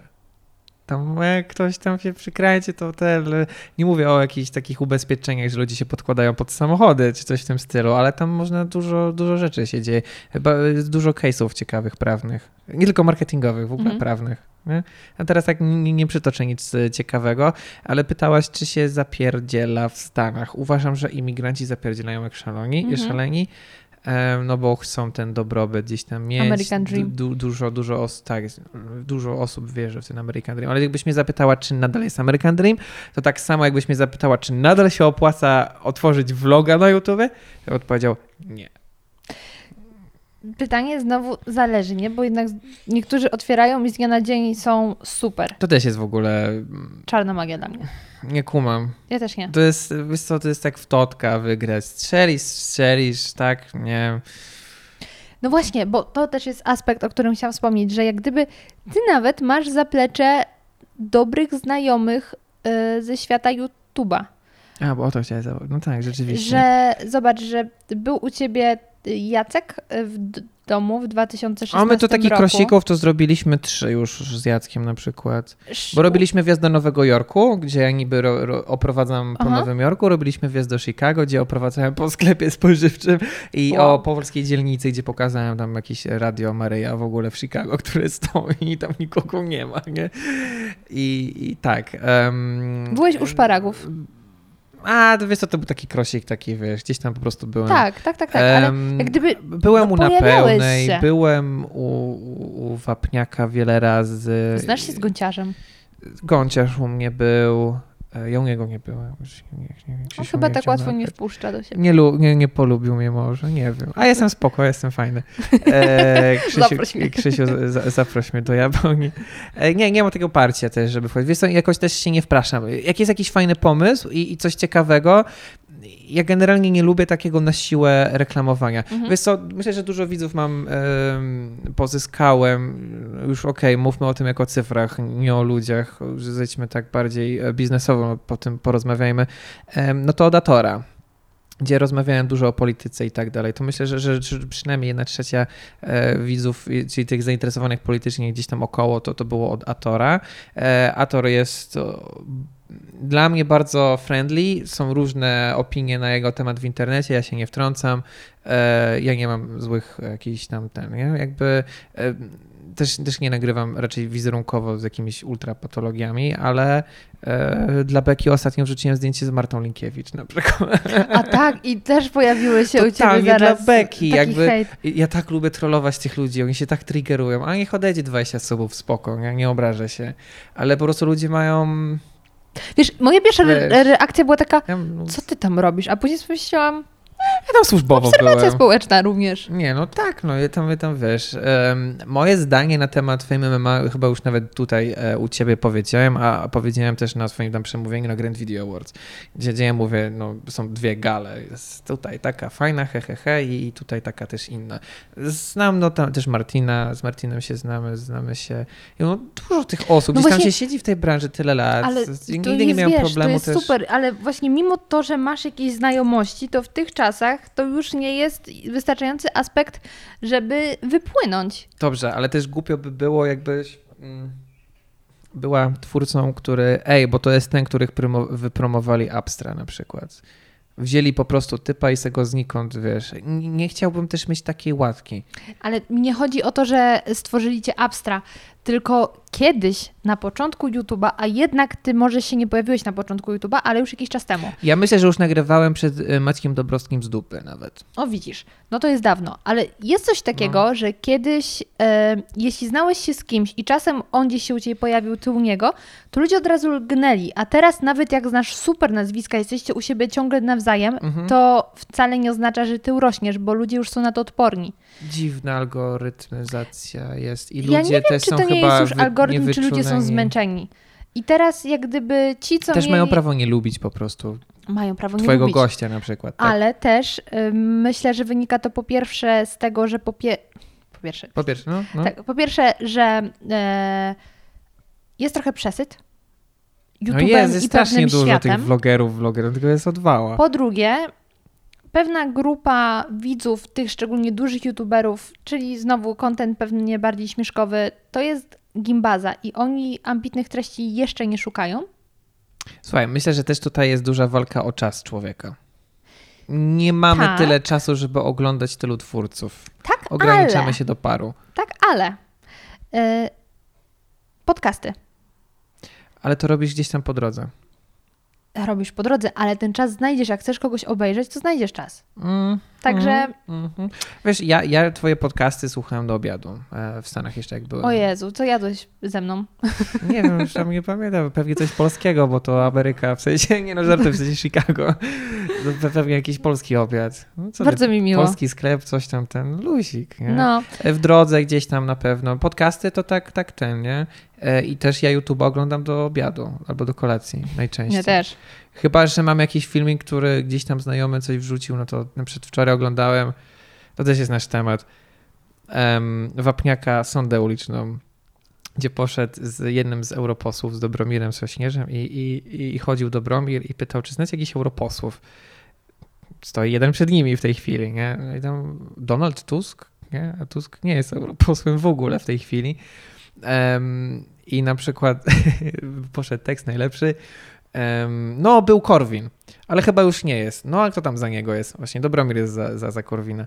I, I on mówi, no, kojarzę z widzenia. On stoi przed nim, ale kompletnie go nie rozpoznał. E, I wiesz, i tematy też o, o tej demokracji, o tej Unii Europejskiej, coś, no wychodzi na to, że w ogóle ludzie nie wiedzą o co chodzi. E, w każdym razie, no też gdzieś tam próbuję oglądać e, innych, ale też sam na to nie mam czasu. Znaczy, kiedyś sobie powiedziałem coś takiego. You make a movie or you watch a movie. Co też jest głupią zasadą kompletnie, bo ja filmy uwielbiam oglądać i staram się chodzić do kina jak najczęściej mogę na festiwale filmowe, żeby patrzeć też na niszówki. Ja na przykład ja oglądam e, film, e, teraz ci powiedziałem, że wczoraj o tych kulinarach, mi to fascynuje nagrywanie jedzenia w ogóle, to jest super sprawa. Chociaż u mnie kontentowo to by w ogóle nie, nie, nie, nie, nie, nie poszło. Em, to e, jedzenie, czekaj, co mówiłem? You make a movie You make a movie watch a movie. movie. To oglądam go na dwa sposoby. Oglądam go po prostu for fun, czy dla przyjemności, ale też oglądam go, bo od razu sobie analizuję, jak został zrobiony. I na Mhm. przykład film z Michaelem Jacksonem, ten ostatni dokument, jest tak prosto zrealizowany, że ja pitole, my byśmy to zrobili w dwójkę. Nie ma problemu. Ja mogę być nawet tym wypowiadającym się. tak, by tam dotknął coś tam. Fuj, nie. Y, Nie Michael. Michael Okej, totalnie dalej. aseksualny. Natomiast em, ja się z tobą po części zgadzam, że jak gdyby Mhm. albo jesteś osobą zjadającą content, albo tworzącą content. Można Natomiast jedno z drugim. ja mam bardzo miłe, e, miłe wytłumaczenie, że jak gdyby oglądam, chodzę w różne miejsca, Trzeba. szukając inspiracji, szukając tak, gości. ale czasem i- inspiracja jest w tak dziwnych, kompletnie niezwiązanych z tym Oczywiście. Natomiast widzisz, e, ja bardzo wielu youtuberów albo w ogóle ludzi, których zaprosiłam, trafiłam na ich kanał. Mhm. Także ja mogę przeglądać YouTube'a, bo tam wyszukuję gości. Jasne. Ale też. Ale masz spoza też twórców. Oczywiście, Strażaków. bo no słuchaj, z YouTube'a Dlaczego zaprosiłam e, polarnika Mhm. pracującego na Antarktydzie? Ponieważ oglądałam wiadomości, wiadomości w cudzysłowie. To Mhm. nie były wiadomości, to były jakieś fakty, czy, czy jakiś Newsy. serwis, tak, newsy, serwis informacyjny, w którym była informacja, że tam właśnie Polska Stacja Polarna e, szuka kogoś na staż.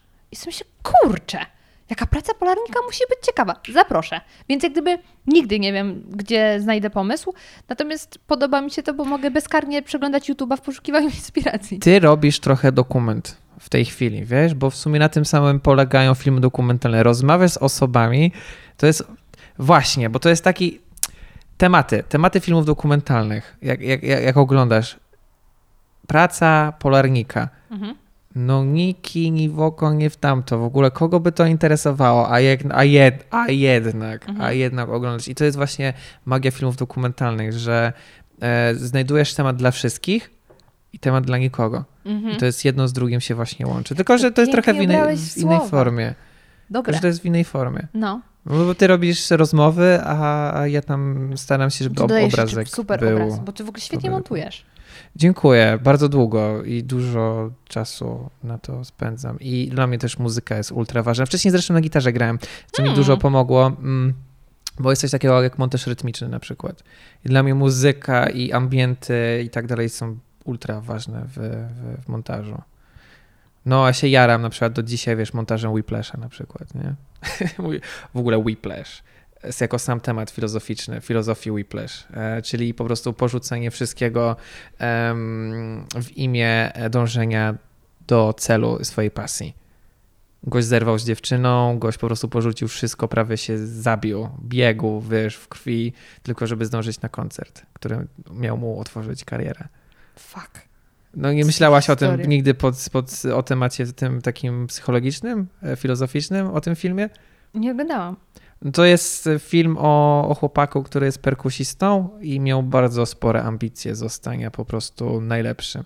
I dokładnie się mm, z takimi samymi problemami, co ty i ja zmagał, bo był na przykład na obiedzie z rodziną i no i tam w rodzinie było dwóch chłopaków, nie? Jeden, czyli on właśnie grał tam na perkusji w najlepszej szkole jazzu na świecie, e, czy tam w przynajmniej w Stanach Zjednoczonych, na świecie prawdopodobnie chyba też, bo już nie pamiętam jak ona się nazywała, E, a obok był e, ich, jego tam jakiś brat, cioteczny czy jakiś, który grał w trzecioligowej drużynie futbolowej.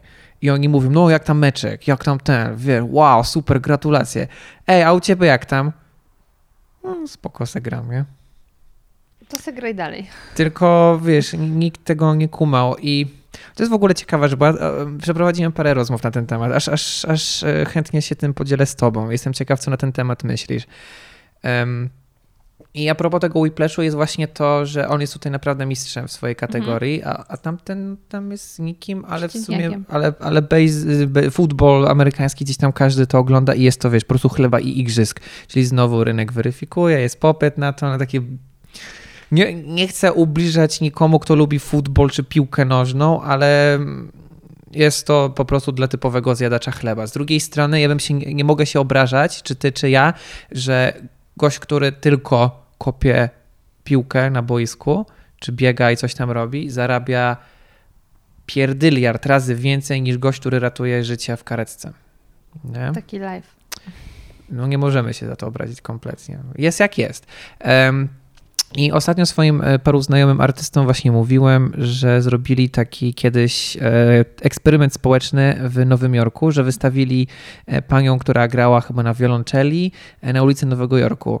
Babka, do której, żeby pójść na koncert, płacisz w ogóle setki, o ile nie tysiące dolarów, żeby przyjść na jej koncert w jakiejś filharmonii, bookingi na 5 lat do przodu, a ona przyszła zagrać za darmo koncert na ulicy, w przejściu w metrze w Nowym Jorku. I ludzie ją traktowali, a jakaś studentka se tam gra, nie? Se, se, se dogrywa. No to tam dolar, tam ktoś olewa, nikt jej nie rozpoznaje. I tutaj są dwa aspekty. Jeden oczywiście taki, że... Mm, humble, e, jesteś skromną osobą i artystką i, i wiesz, tak naprawdę tutaj ludzie płacą to mówiłem swoim kumplom muzyką, że słuchaj, no tutaj piszczą fanki, 25 zł czy 50 zł płacą za wasz koncert, ale potem znowu wy wychodzicie do normalnego świata i jesteście nikim. I tak samo tutaj myślę, że fajnym przykładem będzie na przykład Gąciarz, e, który ma swoją firmę i dla nas w Polsce on jest w ogóle gwiazdą i ludzie ch- chcą zrobić sobie z nim zdjęcie, ale jak ktoś w Japonii czy gdziekolwiek e, chce go wynająć do zrobienia zdjęć, to ty jesteś po prostu typem z kamerą, który ma wykonać robotę. My cię nie znamy, nie wiemy kim jesteś i wcale to, że jesteś znany, znana nie spowoduje, że twoja cena będzie większa na przykład. W pewnym aspekcie, nie? Bo jak jesteś już, no... W Gwiazdą... swojej branży, no ale to tam gdzieś możesz powiedzieć, że w- wygrałaś nagrody, coś tam, coś tam, coś tam, ale, ale jakby w tym sensie e, przełożenia YouTube'a, z- pan jest znanym vlogerem, to nie ma znaczenia, ponieważ my nie kupujemy pana, e, nie kupujemy pana wyświetleń, pana influencu, tylko kupujemy pana skill. Mhm. No to już jest trochę inaczej musisz e, wycenę zrobić wtedy na przykład. Totalnie się zgadzam. No i widzisz, nie możemy być źli za to, że, e, że ludzie nie doceniają czy nie wiedzą. Są różne branże, są różne te, ale widzisz, no ten chłopak, no nie dziwię mu się, że, że mógł się tak poczuć. Czy my się możemy czuć tak, że um, Lordy Kruszwile czy jakieś patologie mają posłuch, ale widzisz, no też jest na to kontrargument. Ja właściwie mogę sam ze sobą się kontrargumentować tutaj, ale nie, nie, nie postawić tezy. I na przykład kontrargumentem na to jest to, że wolisz mieć milion widzów pokroju podstawówki, czy mentalności podstawówki dorosłych nawet ludzi, czy mieć tysiąc widzów, ale są to y, studenci, magistrzy, doktorzy, nawet dorośli, fajni, świadomi, luźni y, ludzie. Mogliśmy Ja ci właśnie- mogę ze, swojego, ze swojej perspektywy powiedzieć, że ja A teraz jestem... pomyśl o tym, o, o, o marketingu na przykład. Tak, więc jak gdyby ja jestem dumna z moich widzów, z moich słuchaczy, ponieważ ja to bardzo często podkreślam, ten podcast zgromadził niesamowite, niesamowitą społeczność. To są ludzie ciekawi świata, e, ludzie, którzy chcą się uczyć, chcą, chcą się ciągle czegoś dowiadywać, zachwycać i Są ciekawi tak jak ty. no właśnie, i Zadaliby gdyby takie jest same pytania. Nie? Dokładnie. Mhm. I to mnie niezwykle fascynuje. Oczywiście, fajnie byłoby móc jeszcze się z tego utrzymać, co na ten moment nie jest możliwe, Oczywiście, rozumiem. ale właśnie ja wiem, że to są ludzie, a nie cyferki. Także to jest dla mnie wartość. I tutaj wracamy do naszego kolegi już wspomnianego wcześniej, Wojtka Kardysia, mm, który też e, chyba powiedział o, o trendach, że coraz bardziej będzie się inwestować w mikroinfluencerów. Zamiast ładować po prostu w masę, tam też jest problem z algorytmem, bo mamy kanały milionowe o subskrypcji, a tam się nie przekłada na, na 100 tysięcy wyświetleń czasem. W stosunku procentowym jest to jakaś w ogóle tragedia, Mhm. jeżeli już tak marketingowo patrzymy. E, Ale właśnie też można być specjalistą w swojej niszy. Tak? No jak ja słyszałam, No jakie tam mają zasięgi na przykład e, rolnicy, którzy mają małe kanały i rolnicze mówią kanały, tak, o słyszałem maszynach. o tym. wow, to jest po prostu W ogóle czad. Beka napisał do mnie już, już z rok temu e, ponad e, syn byłego premiera Pawlaka, że czy, nie, czy bym z nim też tam kiedyś nie wpadł, nie chciał nagrać coś tam e, O polskiej wsi? O, o polskiej wsi, bo, bo jest syn Pawlaka e, z PSL-u, też rolnicze klimaty, też jest e, gdzieś tam rolnikiem. I co powiedziałeś? Że spoko, wiesz, że spoko, możemy nawet z twoim ojcem sobie vloga nagrać, nie? Z byłym premierem. Ale gdzieś tam, e, jeszcze do tego wrócę tematu, Mhm. mo- możliwe. To jest, to, jest, to jest magia, nie? Gdzieś tam na YouTubie, w sensie em, i się też nie dziwię w sumie brandom, że, że, że może właśnie ci e, mniejsi influencerzy. E, bardzo liczę na, na tych nowych, twór, nowych, starych twórców, właśnie ty, Adrian Killer, no Yellow, Jędrek Ostrowski ostro mówi, Jędrek, pozdrawiamy cię. którzy, którzy gdzieś tam robią wspaniałą robotę, a niestety są po prostu duszeni. I mam tam bluzę na, na backstage'u, też w niej przyszedłem dzisiaj e, niespecjalnie, jest z wymownym napisem. I jak mi się, zaraz ci e, go przeczytam, mm, jak ludzie e, pytają w ogóle, po co ty to robisz? To, to ja mam napis na tej bluzie, no właśnie po to, ars gratia artis, sztuka dla sztuki. Co innego mam robić? Lubię to robić, chcę to robić, robię to, uważam, że robię to dobrze i będę to robił, dopóki nie muszę jeść gruzu. E, Do, do ostatniego momentu będę wierzył w to, co robię i będę chciał to robić. I, I jeżeli nawet w wieku dopiero 30, 40, 50 lat mam osiągnąć ten przysłowiowy sukces, czy jakąś przemianę, zmianę, czy, czy za tym zakrętem może będą te diamenty, czy cokolwiek, dzięki którym będę mógł może nie tyle, co sobie BMW kupić, czy cokolwiek, tylko po prostu, bo tu nie Gdzieś mówimy obiad o na tylko, mieście. tylko po prostu sfinansować fajny nowy projekt, Mhm. e, wziąć ekipę do roboty, rozbudować taki projekt, stworzyć własną, w cudzysłowie, telewizję na przykład, czy produkcję filmową, to ja to będę robił, ja to będę wierzył, nie? No i wielka piona, jesteśmy mi- milenialsami, ja myślę dokładnie tak samo. Póki mogę, będę to robić, bo to kocham i w to wierzę. Mhm. Przede wszystkim w to wierzę. Ale ponieważ... Bardzo y, ładnie się ta rozmowa potoczyła. Prawda? A ona Tak. się jeszcze nie kończy, mój drogi, bo ja jeszcze mam... Bardzo dobrze. mam jeszcze Super, pytanie. nie kończmy. E, mam jeszcze pytanie, bo trochę zeszliśmy na chwilę z tematu, ale Mhm. chciałabym teraz do niego wrócić.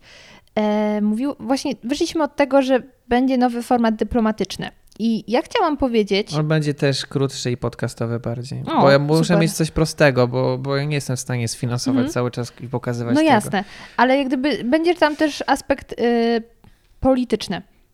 Mniej. Mniej. Natomiast mm, chciałam powiedzieć, że moim zdaniem w internecie brakuje człowieka, który mówiłby do naszego pokolenia o polityce w sposób nienachalny. Bo jak gdyby, skoro my cały czas nasz spędzamy w internecie, nie korzystamy raczej z tradycyjnych mediów, Ludzie nie wiedzą, co się dzieje. totalnie. I powiem ci, Jak to działa. ja wcale nie jestem chętna, żeby się dowiadywać, kiedy wiązałoby się to z oglądaniem właśnie jakichś e, serwisów informacyjnych albo oglądaniem. Dziennikarze też czasem nie wiedzą. Tak, ale albo oglądaniem y, ludzi w, na YouTubie, którzy już są jaki, po jakiejś Mhm. stronie lewej, prawej i chcą mnie teraz przekonać, Tak. bo ja nie jestem było. Mhm. wychowana już, nie, jestem milenialsem, w takim dialogu. Ja zawsze chętnie, bo- miałem całą serię na wąski rozum, która, Mhm. która taka była. Mm, I to tam było różnie, ale, ale właśnie w, trochę też do tego rzeczywiście. No, myślałem, czy w ogóle osobnego tematu nie zrobić, ale mam trochę łagodniejszy pomysł na to. I rzeczywiście można takie aspekty po prostu wytłumaczyć. Wiesz, jak działają wybory, o co chodzi, O co chodzi Trzeba taką Senatem? kampanię zrobić od widzisz, początku, wiesz, bo niby od po, poprzednich wyborów do tylko Parlamentu Europejskiego minęło tam te 5 lat, ale to ludzie nie wiedzą, nie mieli tego na WOSie, poza tym na WOSie czego nie uczą tak naprawdę. Proszę cię, ja z WOS-u nie wyniosłam nic. Nic nie wyniosłam z WOS-u, bo jak w ogóle jedyne co pamiętam z WOS-u, to na każdy WOS trzeba było przygotować prasówkę, bo będzie odpytanie, czy oglądaliśmy wiadomości. Ja miałem ciężką maturę z WOS-u, bo miałem rozszerzoną Bo i, to, i pisałem nie? o traktatach europejskich, traktacie Maastricht i tam coś A ja tam. po prostu chciałam zaliczyć przedmiot, więc nawet jak była ta prasówka, No to tak. jak gdyby szukałam wydarzeń, które rozumiem typu o, nowe statystyki mówią, że tutaj był wypadek. Jak Mhm. był temat polityczny, starałam się tego uniknąć, bo ja ich nie rozumiałam. I wydaje Okej. mi się, że my potrzebujemy, y, żeby w naszym medium, mm, czyli w internecie, ktoś nam wytłumaczył, o co chodzi z polityką w sposób taki właśnie dyplomatyczny. Ludzki, przede Ludzki. wszystkim, bez, bez kłótni. No tak, jak gdyby no. ja bym to oglądała, żeby Mhm. wiedzieć, o co chodzi. Tam jest dużo aspektów historycznych. Strasznie czasem nie, nie lubię wiedzieć, skąd się wzięły poszczególne e, ideologie. Czy, czy, czy, no w sumie okej, no to nawet by było ciekawe dla mnie przynajmniej, bo, bo to są tematy, które są ciekawe dla mnie. Ale czy ludzie by chcieli tak ten? To, to cały czas musi być proste i YouTube'owe. Więc tak Jeśli zrobisz to prosto 5-10 YouTube'owe, jestem przekonana, ten. że znajdzie się grupa Hmm. ludzi, którzy chcą się dowiedzieć. Bo tak jak mówię, ja nie jestem z, z gruntu ustawiona, że polityka to zło. Ja po prostu jej nie rozumiem, bo no to, jak jest się zło. o niej mówi, y, do mnie nie przemawia. Ja się nie, nie, nie trafiają do mnie y, kanały, które są przesiąknięte albo jakąś propagandą, albo nienawiścią, Mhm. albo takim. Och, no, No nie, jest tego unikam trochę, tego. no na YouTubie tego, nie ma no. raczej za dużo takich treści, a przynajmniej ja na nie nie trafiam, gdzie ludzie chcą mnie koniecznie do czegoś przekonać.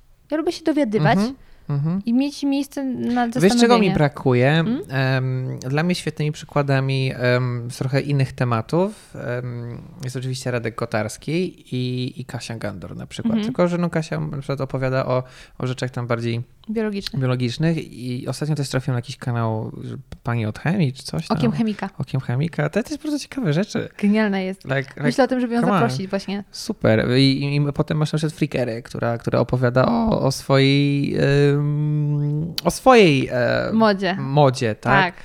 I Też myślę, że żeby zrobić coś takiego pod dyplomację byłoby super. Byłoby genialne, Bo- bo, nam bo tego ja- trzeba. Wiesz co, ja miałem straszny, mm, sam w sobie się trochę dusiłem, bo ja zawsze miałem takie, ja muszę wyjść, ja muszę pokazać. Ja nie chcę, żeby była ciągle gadająca głowa i, em, i ściana, ale może w związku z tym, że, że trendy idą w stronę też podcastów, a dużo ludzi mi mówiło, wiesz co, za dużo już tych przebitek, tych dronów, my chcemy ciebie posłuchać. Nie? I to jest takie, hmm, to w sumie komplement, ale w sumie mnie tak jara, wiesz, ja jestem z tej szkoły takiej e, vlogerów nowojorskich, że, że idę, spontan, opowiadam, pokazuję, przebitka, ciach, akcja, dzieje się, utrzymanie jak najwyższej uwagi widza, nie? Ale tutaj, no, myślę, że to może być ciekawy eksperyment. Mam rozpisane 10 odcinków, chciałbym, chciałbym się tym zająć. No, to jak robią, robi to Kasia, właśnie teraz Radek, który też przeszedł na podcasty. Nie mówię, że to będzie podcast, tylko to będzie po prostu Mhm. jakaś tam pogadanka, mniej czy bardziej merytoryczna. Aspektów chciałbym, żeby było fajnie, bo chcę też takie modowe rzeczy poruszać, a, a tutaj też zostawić ten aspekt na tą dzikość, na te podróże, autostop na przykład, czy coś Super. w tym stylu. Dla mnie byłoby to cudowne, żeby ktoś mi powiedział Mhm. w sposób ludzki, Mhm. o co chodzi w polityce. w No, mnie to, dyplomacji. mnie to te stosunki bardziej, nie? No. bo to politycy, wiesz, to co się dzieje, tak ten... No, Nie, nie, ja nie mówię, że mm, musisz mi tłumaczyć, co się dzieje na polskiej scenie, bo tego nie ogarniesz. Wiesz co, kiedyś, kiedyś Agora do mnie, em, negocjowałem z Agorą stworzenie takiego programu. Hmm. Em, Nowa Gora ma nawet, ciągle... nawet, nawet był dobry budżet na to. No teraz już chyba nie mają na nic budżetu. Nie no, kredyt wzięli. To oni sobie tam budżetują coś tam, coś tam, gdzieś tam. Kupią samochód w Stanach. Tak, to e, był temat właśnie e, wytłumaczenia różnych e, rzeczy, co, co się po prostu dzieje. Vice albo ktoś inny robi takie rzeczy, tylko oni to robią po prostu z głos lektora i, i przebitki z kupione ze stoków, nie? Mnie to w ogóle nie... Ja muszę wyjść mieć swój materiał. Ja staram się jak najwięcej mieć własnego materiału, nie? Dlatego ciebie dyrektywa unijna tak bardzo nie dotknie. No właśnie, właśnie, To właśnie, nie? A na przykład takie osoby jak poszukiwacz, który wkleja sobie filmiki z internetu, może mieć problem. w tej A, chwili. albo topowa dycha, czy tam planeta faktów, Ach, to jest problem. ale będzie spadek. Ukoszą ich wszystkich. No, ale to jest dla mnie przegięcie akurat. To jest totalne przegięcie, bo ja nawet kiedyś chciałam jakieś tam zobaczyć źródła. Z ciekawości, jako też twórca, który zwraca uwagę na to, że jednak jak coś wykorzystuje, to musi być podpisane. Mhm. I tam wiesz, jeśli chcesz uzyskać informacje, to pisz po ten mail. I to jest takie stary. U kogo? Chyba na planecie. Tak? Faktów. No to jest przegięcie w drugą stronę według mnie. Absolutne. No przegięcie w tamtą stronę jest na przykład jedna z telewizji, która mnie, e, mogę to chyba wprost powiedzieć No nawet, oczywiście. e, użyła moich materiałów bez użycia, bez wyrażenia zgody e, i wizerunku, także nie mogę powiedzieć okradła, bo potem ktoś może to uznać za pomówienia Mhm. w sensie prawnym, ale sobie wzięli jej materiały. Nie? Telewizja. Słabe. U, i to jeszcze, jeszcze, jeszcze był taki temat, wiesz, o feministkach, więc tam trochę byłem w- wpeplany w politykę na dzień dobry, gdzie tam nie do końca gdzieś tam mówiłem w tym vlogu o tym, o czym mówiłem, Co, ale powoływali tak... się na prawo cytatu? Nie, no co tutaj tam nic nie podpisane nie było kompletnie. Nawet nie było napisane źródło youtube.pl. Do tego tak stopnia? Nie, oczywiście, że tak. Ja mam fajny materiał dowodowy zebrany, na jedną z telewizji. Prawicowych zresztą. No, Ale żeby było śmieszniej, potem kiedyś mnie zaprosili na wywiad i sobie przyszedłem. Ale to tak, wiesz, żeby potem w sądzie powiedzieć, że nie, ja tutaj ich nie hejtuję. Chcę się dogadać przecież. Mhm. Śmieszne, śmieszne. W każdym razie em, w, w obie strony przeginają. Nie? Tak. I, to, I telewizja, i tamci te... Wiesz, Boxdel, który się wybił na, na, na e, czytaniu ciekawostek. Ile twórców zresztą o takie przemiany wizerunkowe przechodziło? Że, że robili patologiczne rzeczy, a potem przechodzili w, w grzeczny content. Gimper? Nie? To jest idealny przykład. E, ale na, nawet em, może nie aż takim skrajnym przykładem, ale Igor jest też takim przykładem dla mnie.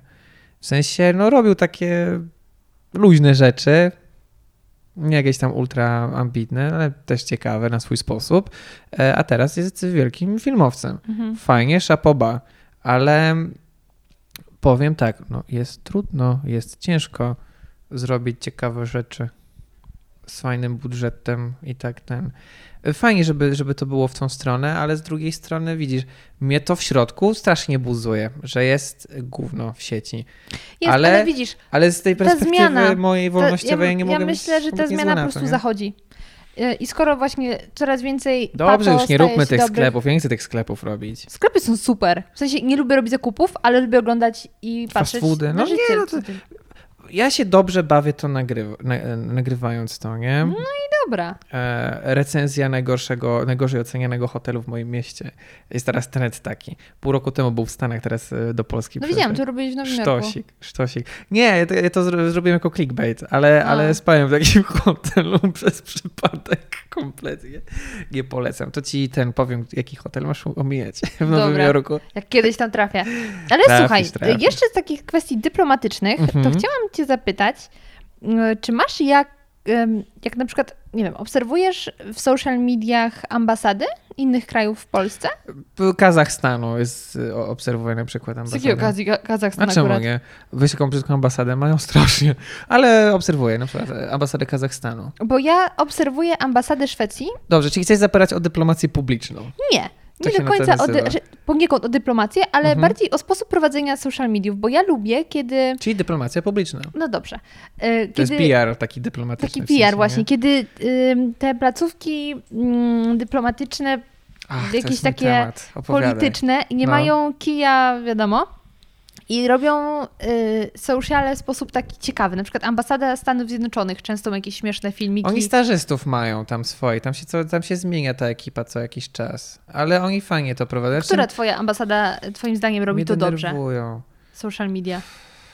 Bo ambasada Szwecji jest całkiem nie najgorsza. Nie no, amerykańska robi to dobrze ta, tu, tutaj u nas w Polsce, bo oni zatrudniają Polaków do tego też. Mhm. W sensie zatrudniasz osobę, która za budżet oczywiście ambasady, e, czyli za budżet Stanów Zjednoczonych de facto, e, robi tą pracę i, w związku z tym wiedzą, jakby znają klienta, nie? że to trafia do Polaków. Ambasady szwedzkie nie obserwuję, ale słyszałem, że, że oni są spoko. Nazywają się I cóż, że ze Szwecji. I cóż, że ze Szwecji. Kurde, trzeba taki przegląd zrobić e, socjali ten. E, zrób. Mia, miałem o tym na studiach, O. ale, ale nie, nie obserwuję dużo e, socjali ambasad, ale wiem, że oni mają swoje budżety i też chciałem się wkręcić na niektóre, żeby po prostu... Trochę zazdrościłem Ryanowi Sołkeszowi, Mhm. jak, jak zaprosiła go ambasada australijska do siebie, żeby zrobić taki wjazd na chatę? Mhm. E, tylko do ambasady z youtuberem. To byłyby bardzo ciekawe e, tematy. A ambasady mają. Widzisz, jaki jest rynek nagle? Z każdą ambasadą się. One mają budżety. Z każdą ambasadą się dogadujesz, na przykład Rób e, to. test piw w ambasadzie belgijskiej. A myślisz, żeby ci to zrobili? Ziomku, oczywiście, że tak. No to rób to. Sztos w opór. Sprzedałam ci właśnie pomysł. Bo Myślałem na ten temat, myślałem, myślałem o tym wcześniej No w sumie. No, myślałem, masz myślałem, czas, myślałem. to rób. Ale bo, nigdy nie myślałem o tych socjalach tak w ten sposób. No. Bo na przykład y, mnie bardzo... Ja lubię jak e, marki, brandy się trochę disują. W Stanach Zjednoczonych to jest bardzo popularne, dlatego ja Mhm. uwielbiam amerykański Burger King, marketing. tam ciśnie po Mercedes i coś z BMW tam. i tak dalej. To jest super. Yes, I bardzo mi się yes. podobało, jak y, za którymś razem ambasada Szwecji wrzuciła Mhm. takiego mema, y, gdzie był ym, pokazane trudności języków, obrazujące przez różne takie potwory morskie. I tam był szwedzki, taki jeszcze spoko, potem y, norweski, trochę tam, wiesz, y, jak gdyby... Aha, właśnie, był szwedzki i potem był norweski. I jak gdyby oznaczyli ambasadę Norwegii. Ambasada Norwegii w to weszła, więc coś tam się zdisowali. Y, I potem wrzucili mema, że e, okej, okej, my może nie jesteśmy tacy łatwi, ale za to ambasada, y, ale za to y, islandzki albo fiński jest najgorszy. I wrzucili mema y, Finlandii, w tak. Finlandii. Nie otagowali ambasadę Finlandii. Ambasada Finlandii tylko chyba wysłała emotikonkę z uśmiechem i myślę, już spaliliście. tak. A Cała to było zabawa. tak fajne, że jak gdyby Mhm. zagadali, to są super takie dla nawet obserwatorów e, śmieszki. Tak. Już pomijając tak. samych zainteresowanych. I dlatego byłam ciekawa, czy jakoś to wow, obserwujesz. uwielbiam to. Podeślę ci link do tego. nie, szczerze mówiąc, nie obserwowałem tego nigdy. Serio, ja chyba nie wiem czemu, ale na swoich socjalach mam Kazachstan i Stany Zjednoczone. Kazachstan jest mi jakoś w ogóle nie, nie, nie po drodze kompletnie. Ale byłem, byłem w paru ambasadach. Ja byłam w Fajnie. dwóch. W Finlandii, bo jak pracowałam jeszcze w Polskim Radiu, to kiedyś robiłam z nimi materiał, potem mieliśmy taką małą współpracę, zaprosili mnie jak przyjechał Mikołaj i tak no dalej. I tam trzeba było im powiedzieć, żeby socjale robili lepiej niż tylko emotkę wstawiać. A z nią to było parę, parę lat temu. No, A wiem, w ostatnim wiem. czasie byłam w ambasadzie właśnie Szwecji, bo Mhm. robiłam z nimi podcast o e, bułeczkach szwedzkich. Ale sztos. No. Ale to jest super, jak można dużo, dużo ciekawych rzeczy zrobić. Właśnie dyplomacja publiczna jest bardzo, bardzo fajna. E, I ona rzeczywiście poza tym, że ambasada zajmuje się naprawdę takimi ciężkimi, ciężkimi tematami, to, to socjale ambasad to jest, to jest, to jest miód i, i magia. Oczywiście na pewno jakieś fopasie dyplomatyczne tam zdarza, że, że, że muszą potem jakieś posty coś przegieli.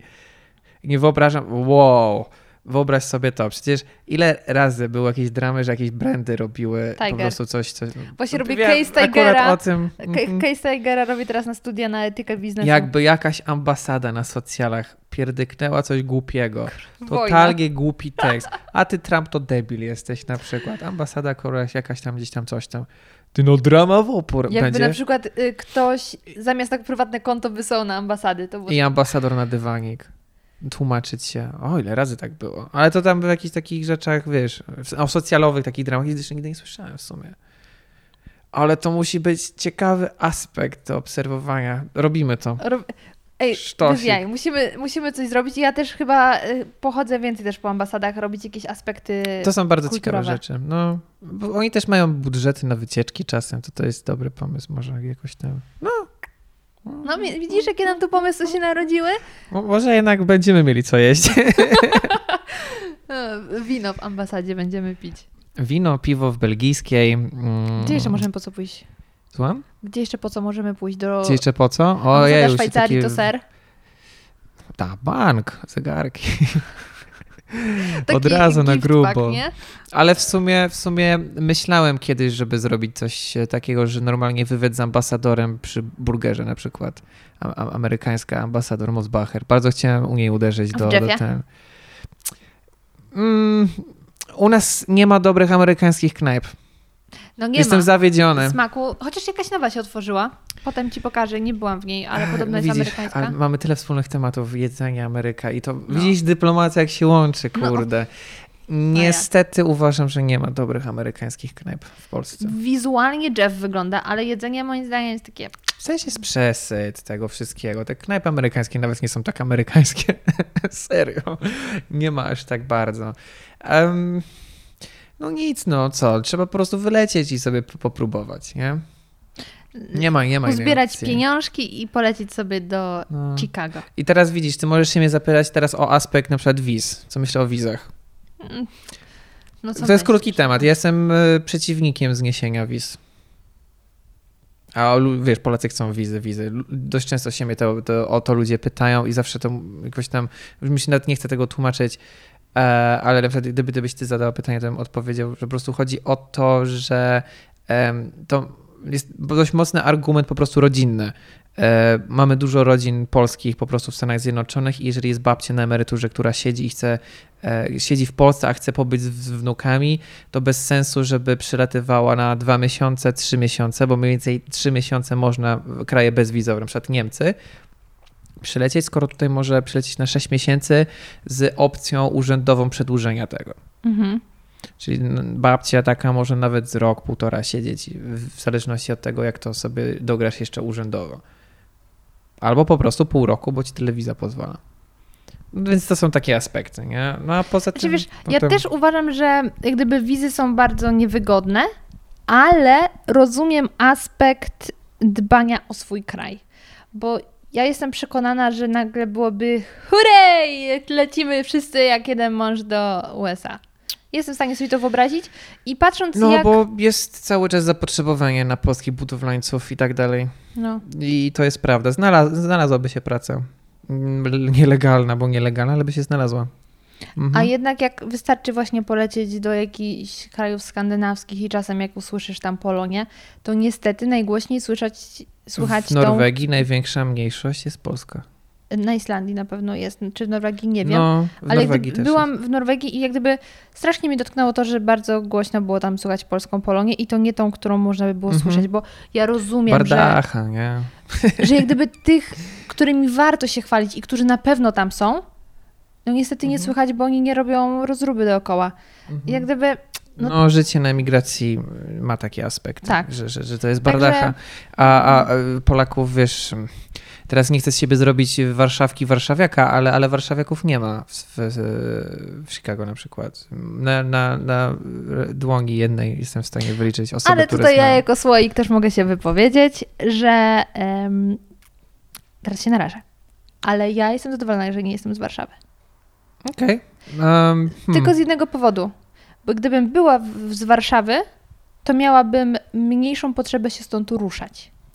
I wielu warszawiaków nie wie, co się dzieje poza Warszawą, nie dlatego, To że są prawda. ignorantami, tylko tu Po jest prostu, wygodnie. Tu mhm. masz wszystko. Po co masz gdzieś jechać? Lepiej powiem, to nawet w skali mikro jest dość duża różnica bycia warszawiakiem, a ja jestem warszawiakiem, bo się e, przez całe życie tak naprawdę nie znałem dobrych miejscówek na mieście, ponieważ wszystko ograniczało się do na przykład mojej Dzielnicy. dzielnicy, bo tam Mhm. miałem najwięcej kumpli, 90%, w związku z tym nie się nie umawialiśmy na piwo czy cokolwiek em, po drugiej stronie miasta, skoro my mieliśmy obok siebie, na przykład na Bielanach, tak? Mhm. Więc my się um- ugra- o, o, umawialiśmy w obrębie, nie wiem, Żoliborza, Bielan. Po co mamy się umawiać do centrum?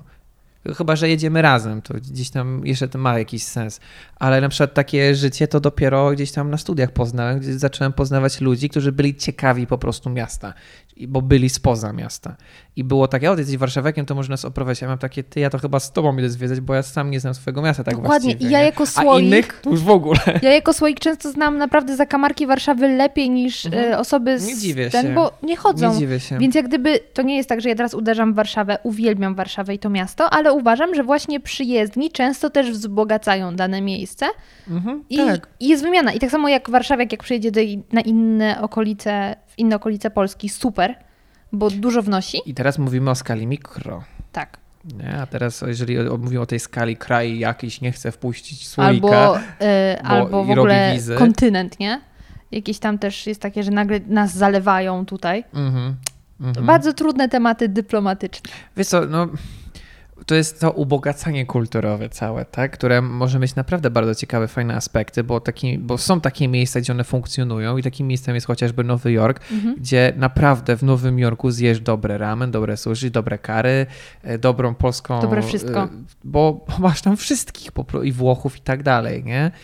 E, A potem są te miksy z amerykyzo- zamerykanizowana pizza włoska, wiesz, zamerykanizowane em, meksykańskie Tex-Mex. Potem masz na Chińczyk przykład, na amerykański. przykład burrito jest amerykańskie. Burrito nie jest kompletnie meksykańskie. Taco jest meksykańskie, a Mhm. burrito już jest amerykańskie. Em, No, te wszystkie mieszanki chińskie, gdzie te, no, osoba, która pewnie podróżowała dużo po Azji, może potem robić recenzję Chińczyków w Warszawie, czy one rzeczywiście są chińskie, wietnamskie, czy jest jakaś mieszanina. I, i myślę, że gdyby Wietnamczyk przyjechał no Wietnamczyk nie może nie, bo mamy dość du- dużą diasporę em, wietnamską w Warszawie, ale przykład Japończyk, który testuje sushi w, w, w Warszawie na przykład i on powiedział, że to nie jest To nie takie jest sushi, Mhm. wiesz, California roll, typowo azamerykanizowane, nie? Serek I Filadelfia. to są stosunki międzynarodowe, bo ty w kulinariach od razu patrz, jak możesz mieszać różne rzeczy. Absolutnie. Możesz być, możesz być, e, wiesz, ultra e, faszyzując, faszyzować tutaj i powiedzieć, jak to tam, nie wiem, mm, e, chicagowski hot dog nie może mieć keczupu. I, i ty tutaj możesz, wiesz, walić, a, a potem tylko musztardę. No. Tylko I papryczka jalapeno. Albo możesz to gdzieś tam mieszać. I to są stosunki międzynarodowe. Cudownie. I widzisz, jak pięknie dotarliśmy, e, zamykamy znowu stosunkami międzynarodowymi. Bardzo Ci dziękuję, że przyszedłeś. Również dziękuję za zaproszenie. kilka razy, ale cieszę się, że się w końcu udało i A mam ja nadzieję, się cieszę, że, że się w zapisało. końcu się udało spotkać i że y, wszystkim się nasza rozmowa podobała, chociaż była od sasa do lasa, ale w związku z tym, że jest to luźny temat y, i Tak. luźny podcast, to w ogóle tym bardziej ekstra. I mamy nadzieję, że się podobała. Ja serdecznie zapraszam w imieniu swoim i e, Twoim na Twój kanał. Fragmenty z panem e, Wrzucę, z salonu to będą. E, podpiszemy, będzie rameczka. E, no i super, i dziękuję. I zobaczymy, co nam wyjdzie z ambasadami. Działamy. No to subskrybujcie tutaj e, Gochę, e, podcast radioaktywny. Subskrybujcie, Wąski subujcie, kanał. zostawiajcie łapkę w górę. O, Dzwoneczek. po, pod, podsyłajcie znajomym, wpadnijcie na jej Insta Stories, bo one zawsze dwa razy mówi dzień dobry. Patrz, ty jesteś po prostu urodzonym youtuberem. Tak. Dziękuję Ci bardzo. I jak wrażenia? Gorąco zachęcam Was do tego, abyście odwiedzili kanał Mikołaja. Moim zdaniem znajdziecie tam mnóstwo ciekawych materiałów, zarówno tych bardziej, jak i mniej poważnych, ale tak jak wspominałam w czasie naszej rozmowy, uważam, że warto czasem spuścić trochę stonu i zająć się takimi rzeczami bardziej przyziemnymi, jak na przykład zakupy w supermarkecie, bo Powiem Wam, że dla mnie jest to zawsze ciekawe, jak wyglądają takie codzienne czynności e, po drugiej stronie globu. Jeżeli podobał Ci się ten odcinek, jeżeli lubisz podcast i dzięki niemu poniedziałki stały się dla Ciebie bardziej znośne, to będzie mi bardzo miło, jeśli wspomnisz o podcaście radioaktywnym swoim znajomym. Niech oni również poznają wspaniały świat podcastów, a także uzależnią się od dzień dobry, dzień dobry. Bardzo dziękuję wszystkim moim patronom za to, że mnie wspierają, zarówno w kwestiach finansowych, jak i takich. Uwielbiam nasze rozkminy zarówno na grupie na Facebooku, jak i w prywatnych wiadomościach na Instagramie. Naprawdę wzbogacacie moje codzienne życie i jestem przeszczęśliwa, że Was mam. Jeżeli Ty również chciałbyś dołączyć do grona patronów, to zapraszam Cię na stronę patronite.pl ukośnik zmacznego, gdzie przeczytasz wszystkie informacje na ten temat. E, Przypominam, bo już kiedyś o tym mówiłam i myślę, że warto wspomnieć. Decyzja o zostaniu patronem nie jest jedna na całe życie. Możesz e, wspierać mnie na przykład przez jeden miesiąc i nie obawiać się, że jesteś zobligowany do comiesięcznych wpłat. Najniższy możliwy próg to jest 6 zł, czyli taka wirtualna kawa w zamian za no, 6-8 godzin e, materiałów, które publikuję dla Was miesięcznie. Jeżeli uważacie, że są one tego warte, to zapraszam Was e, serdecznie patronite.pl ukośnik zmacznego. Na koniec, już tak w ramach przypomnienia, zapraszam Was bardzo gorąco do mojego drugiego podcastu, czyli do Zmacznego, w którym usłyszycie niezwykłe historie o zwykłych produktach oraz potrawach. Bardzo dziękuję i do usłyszenia już niedługo.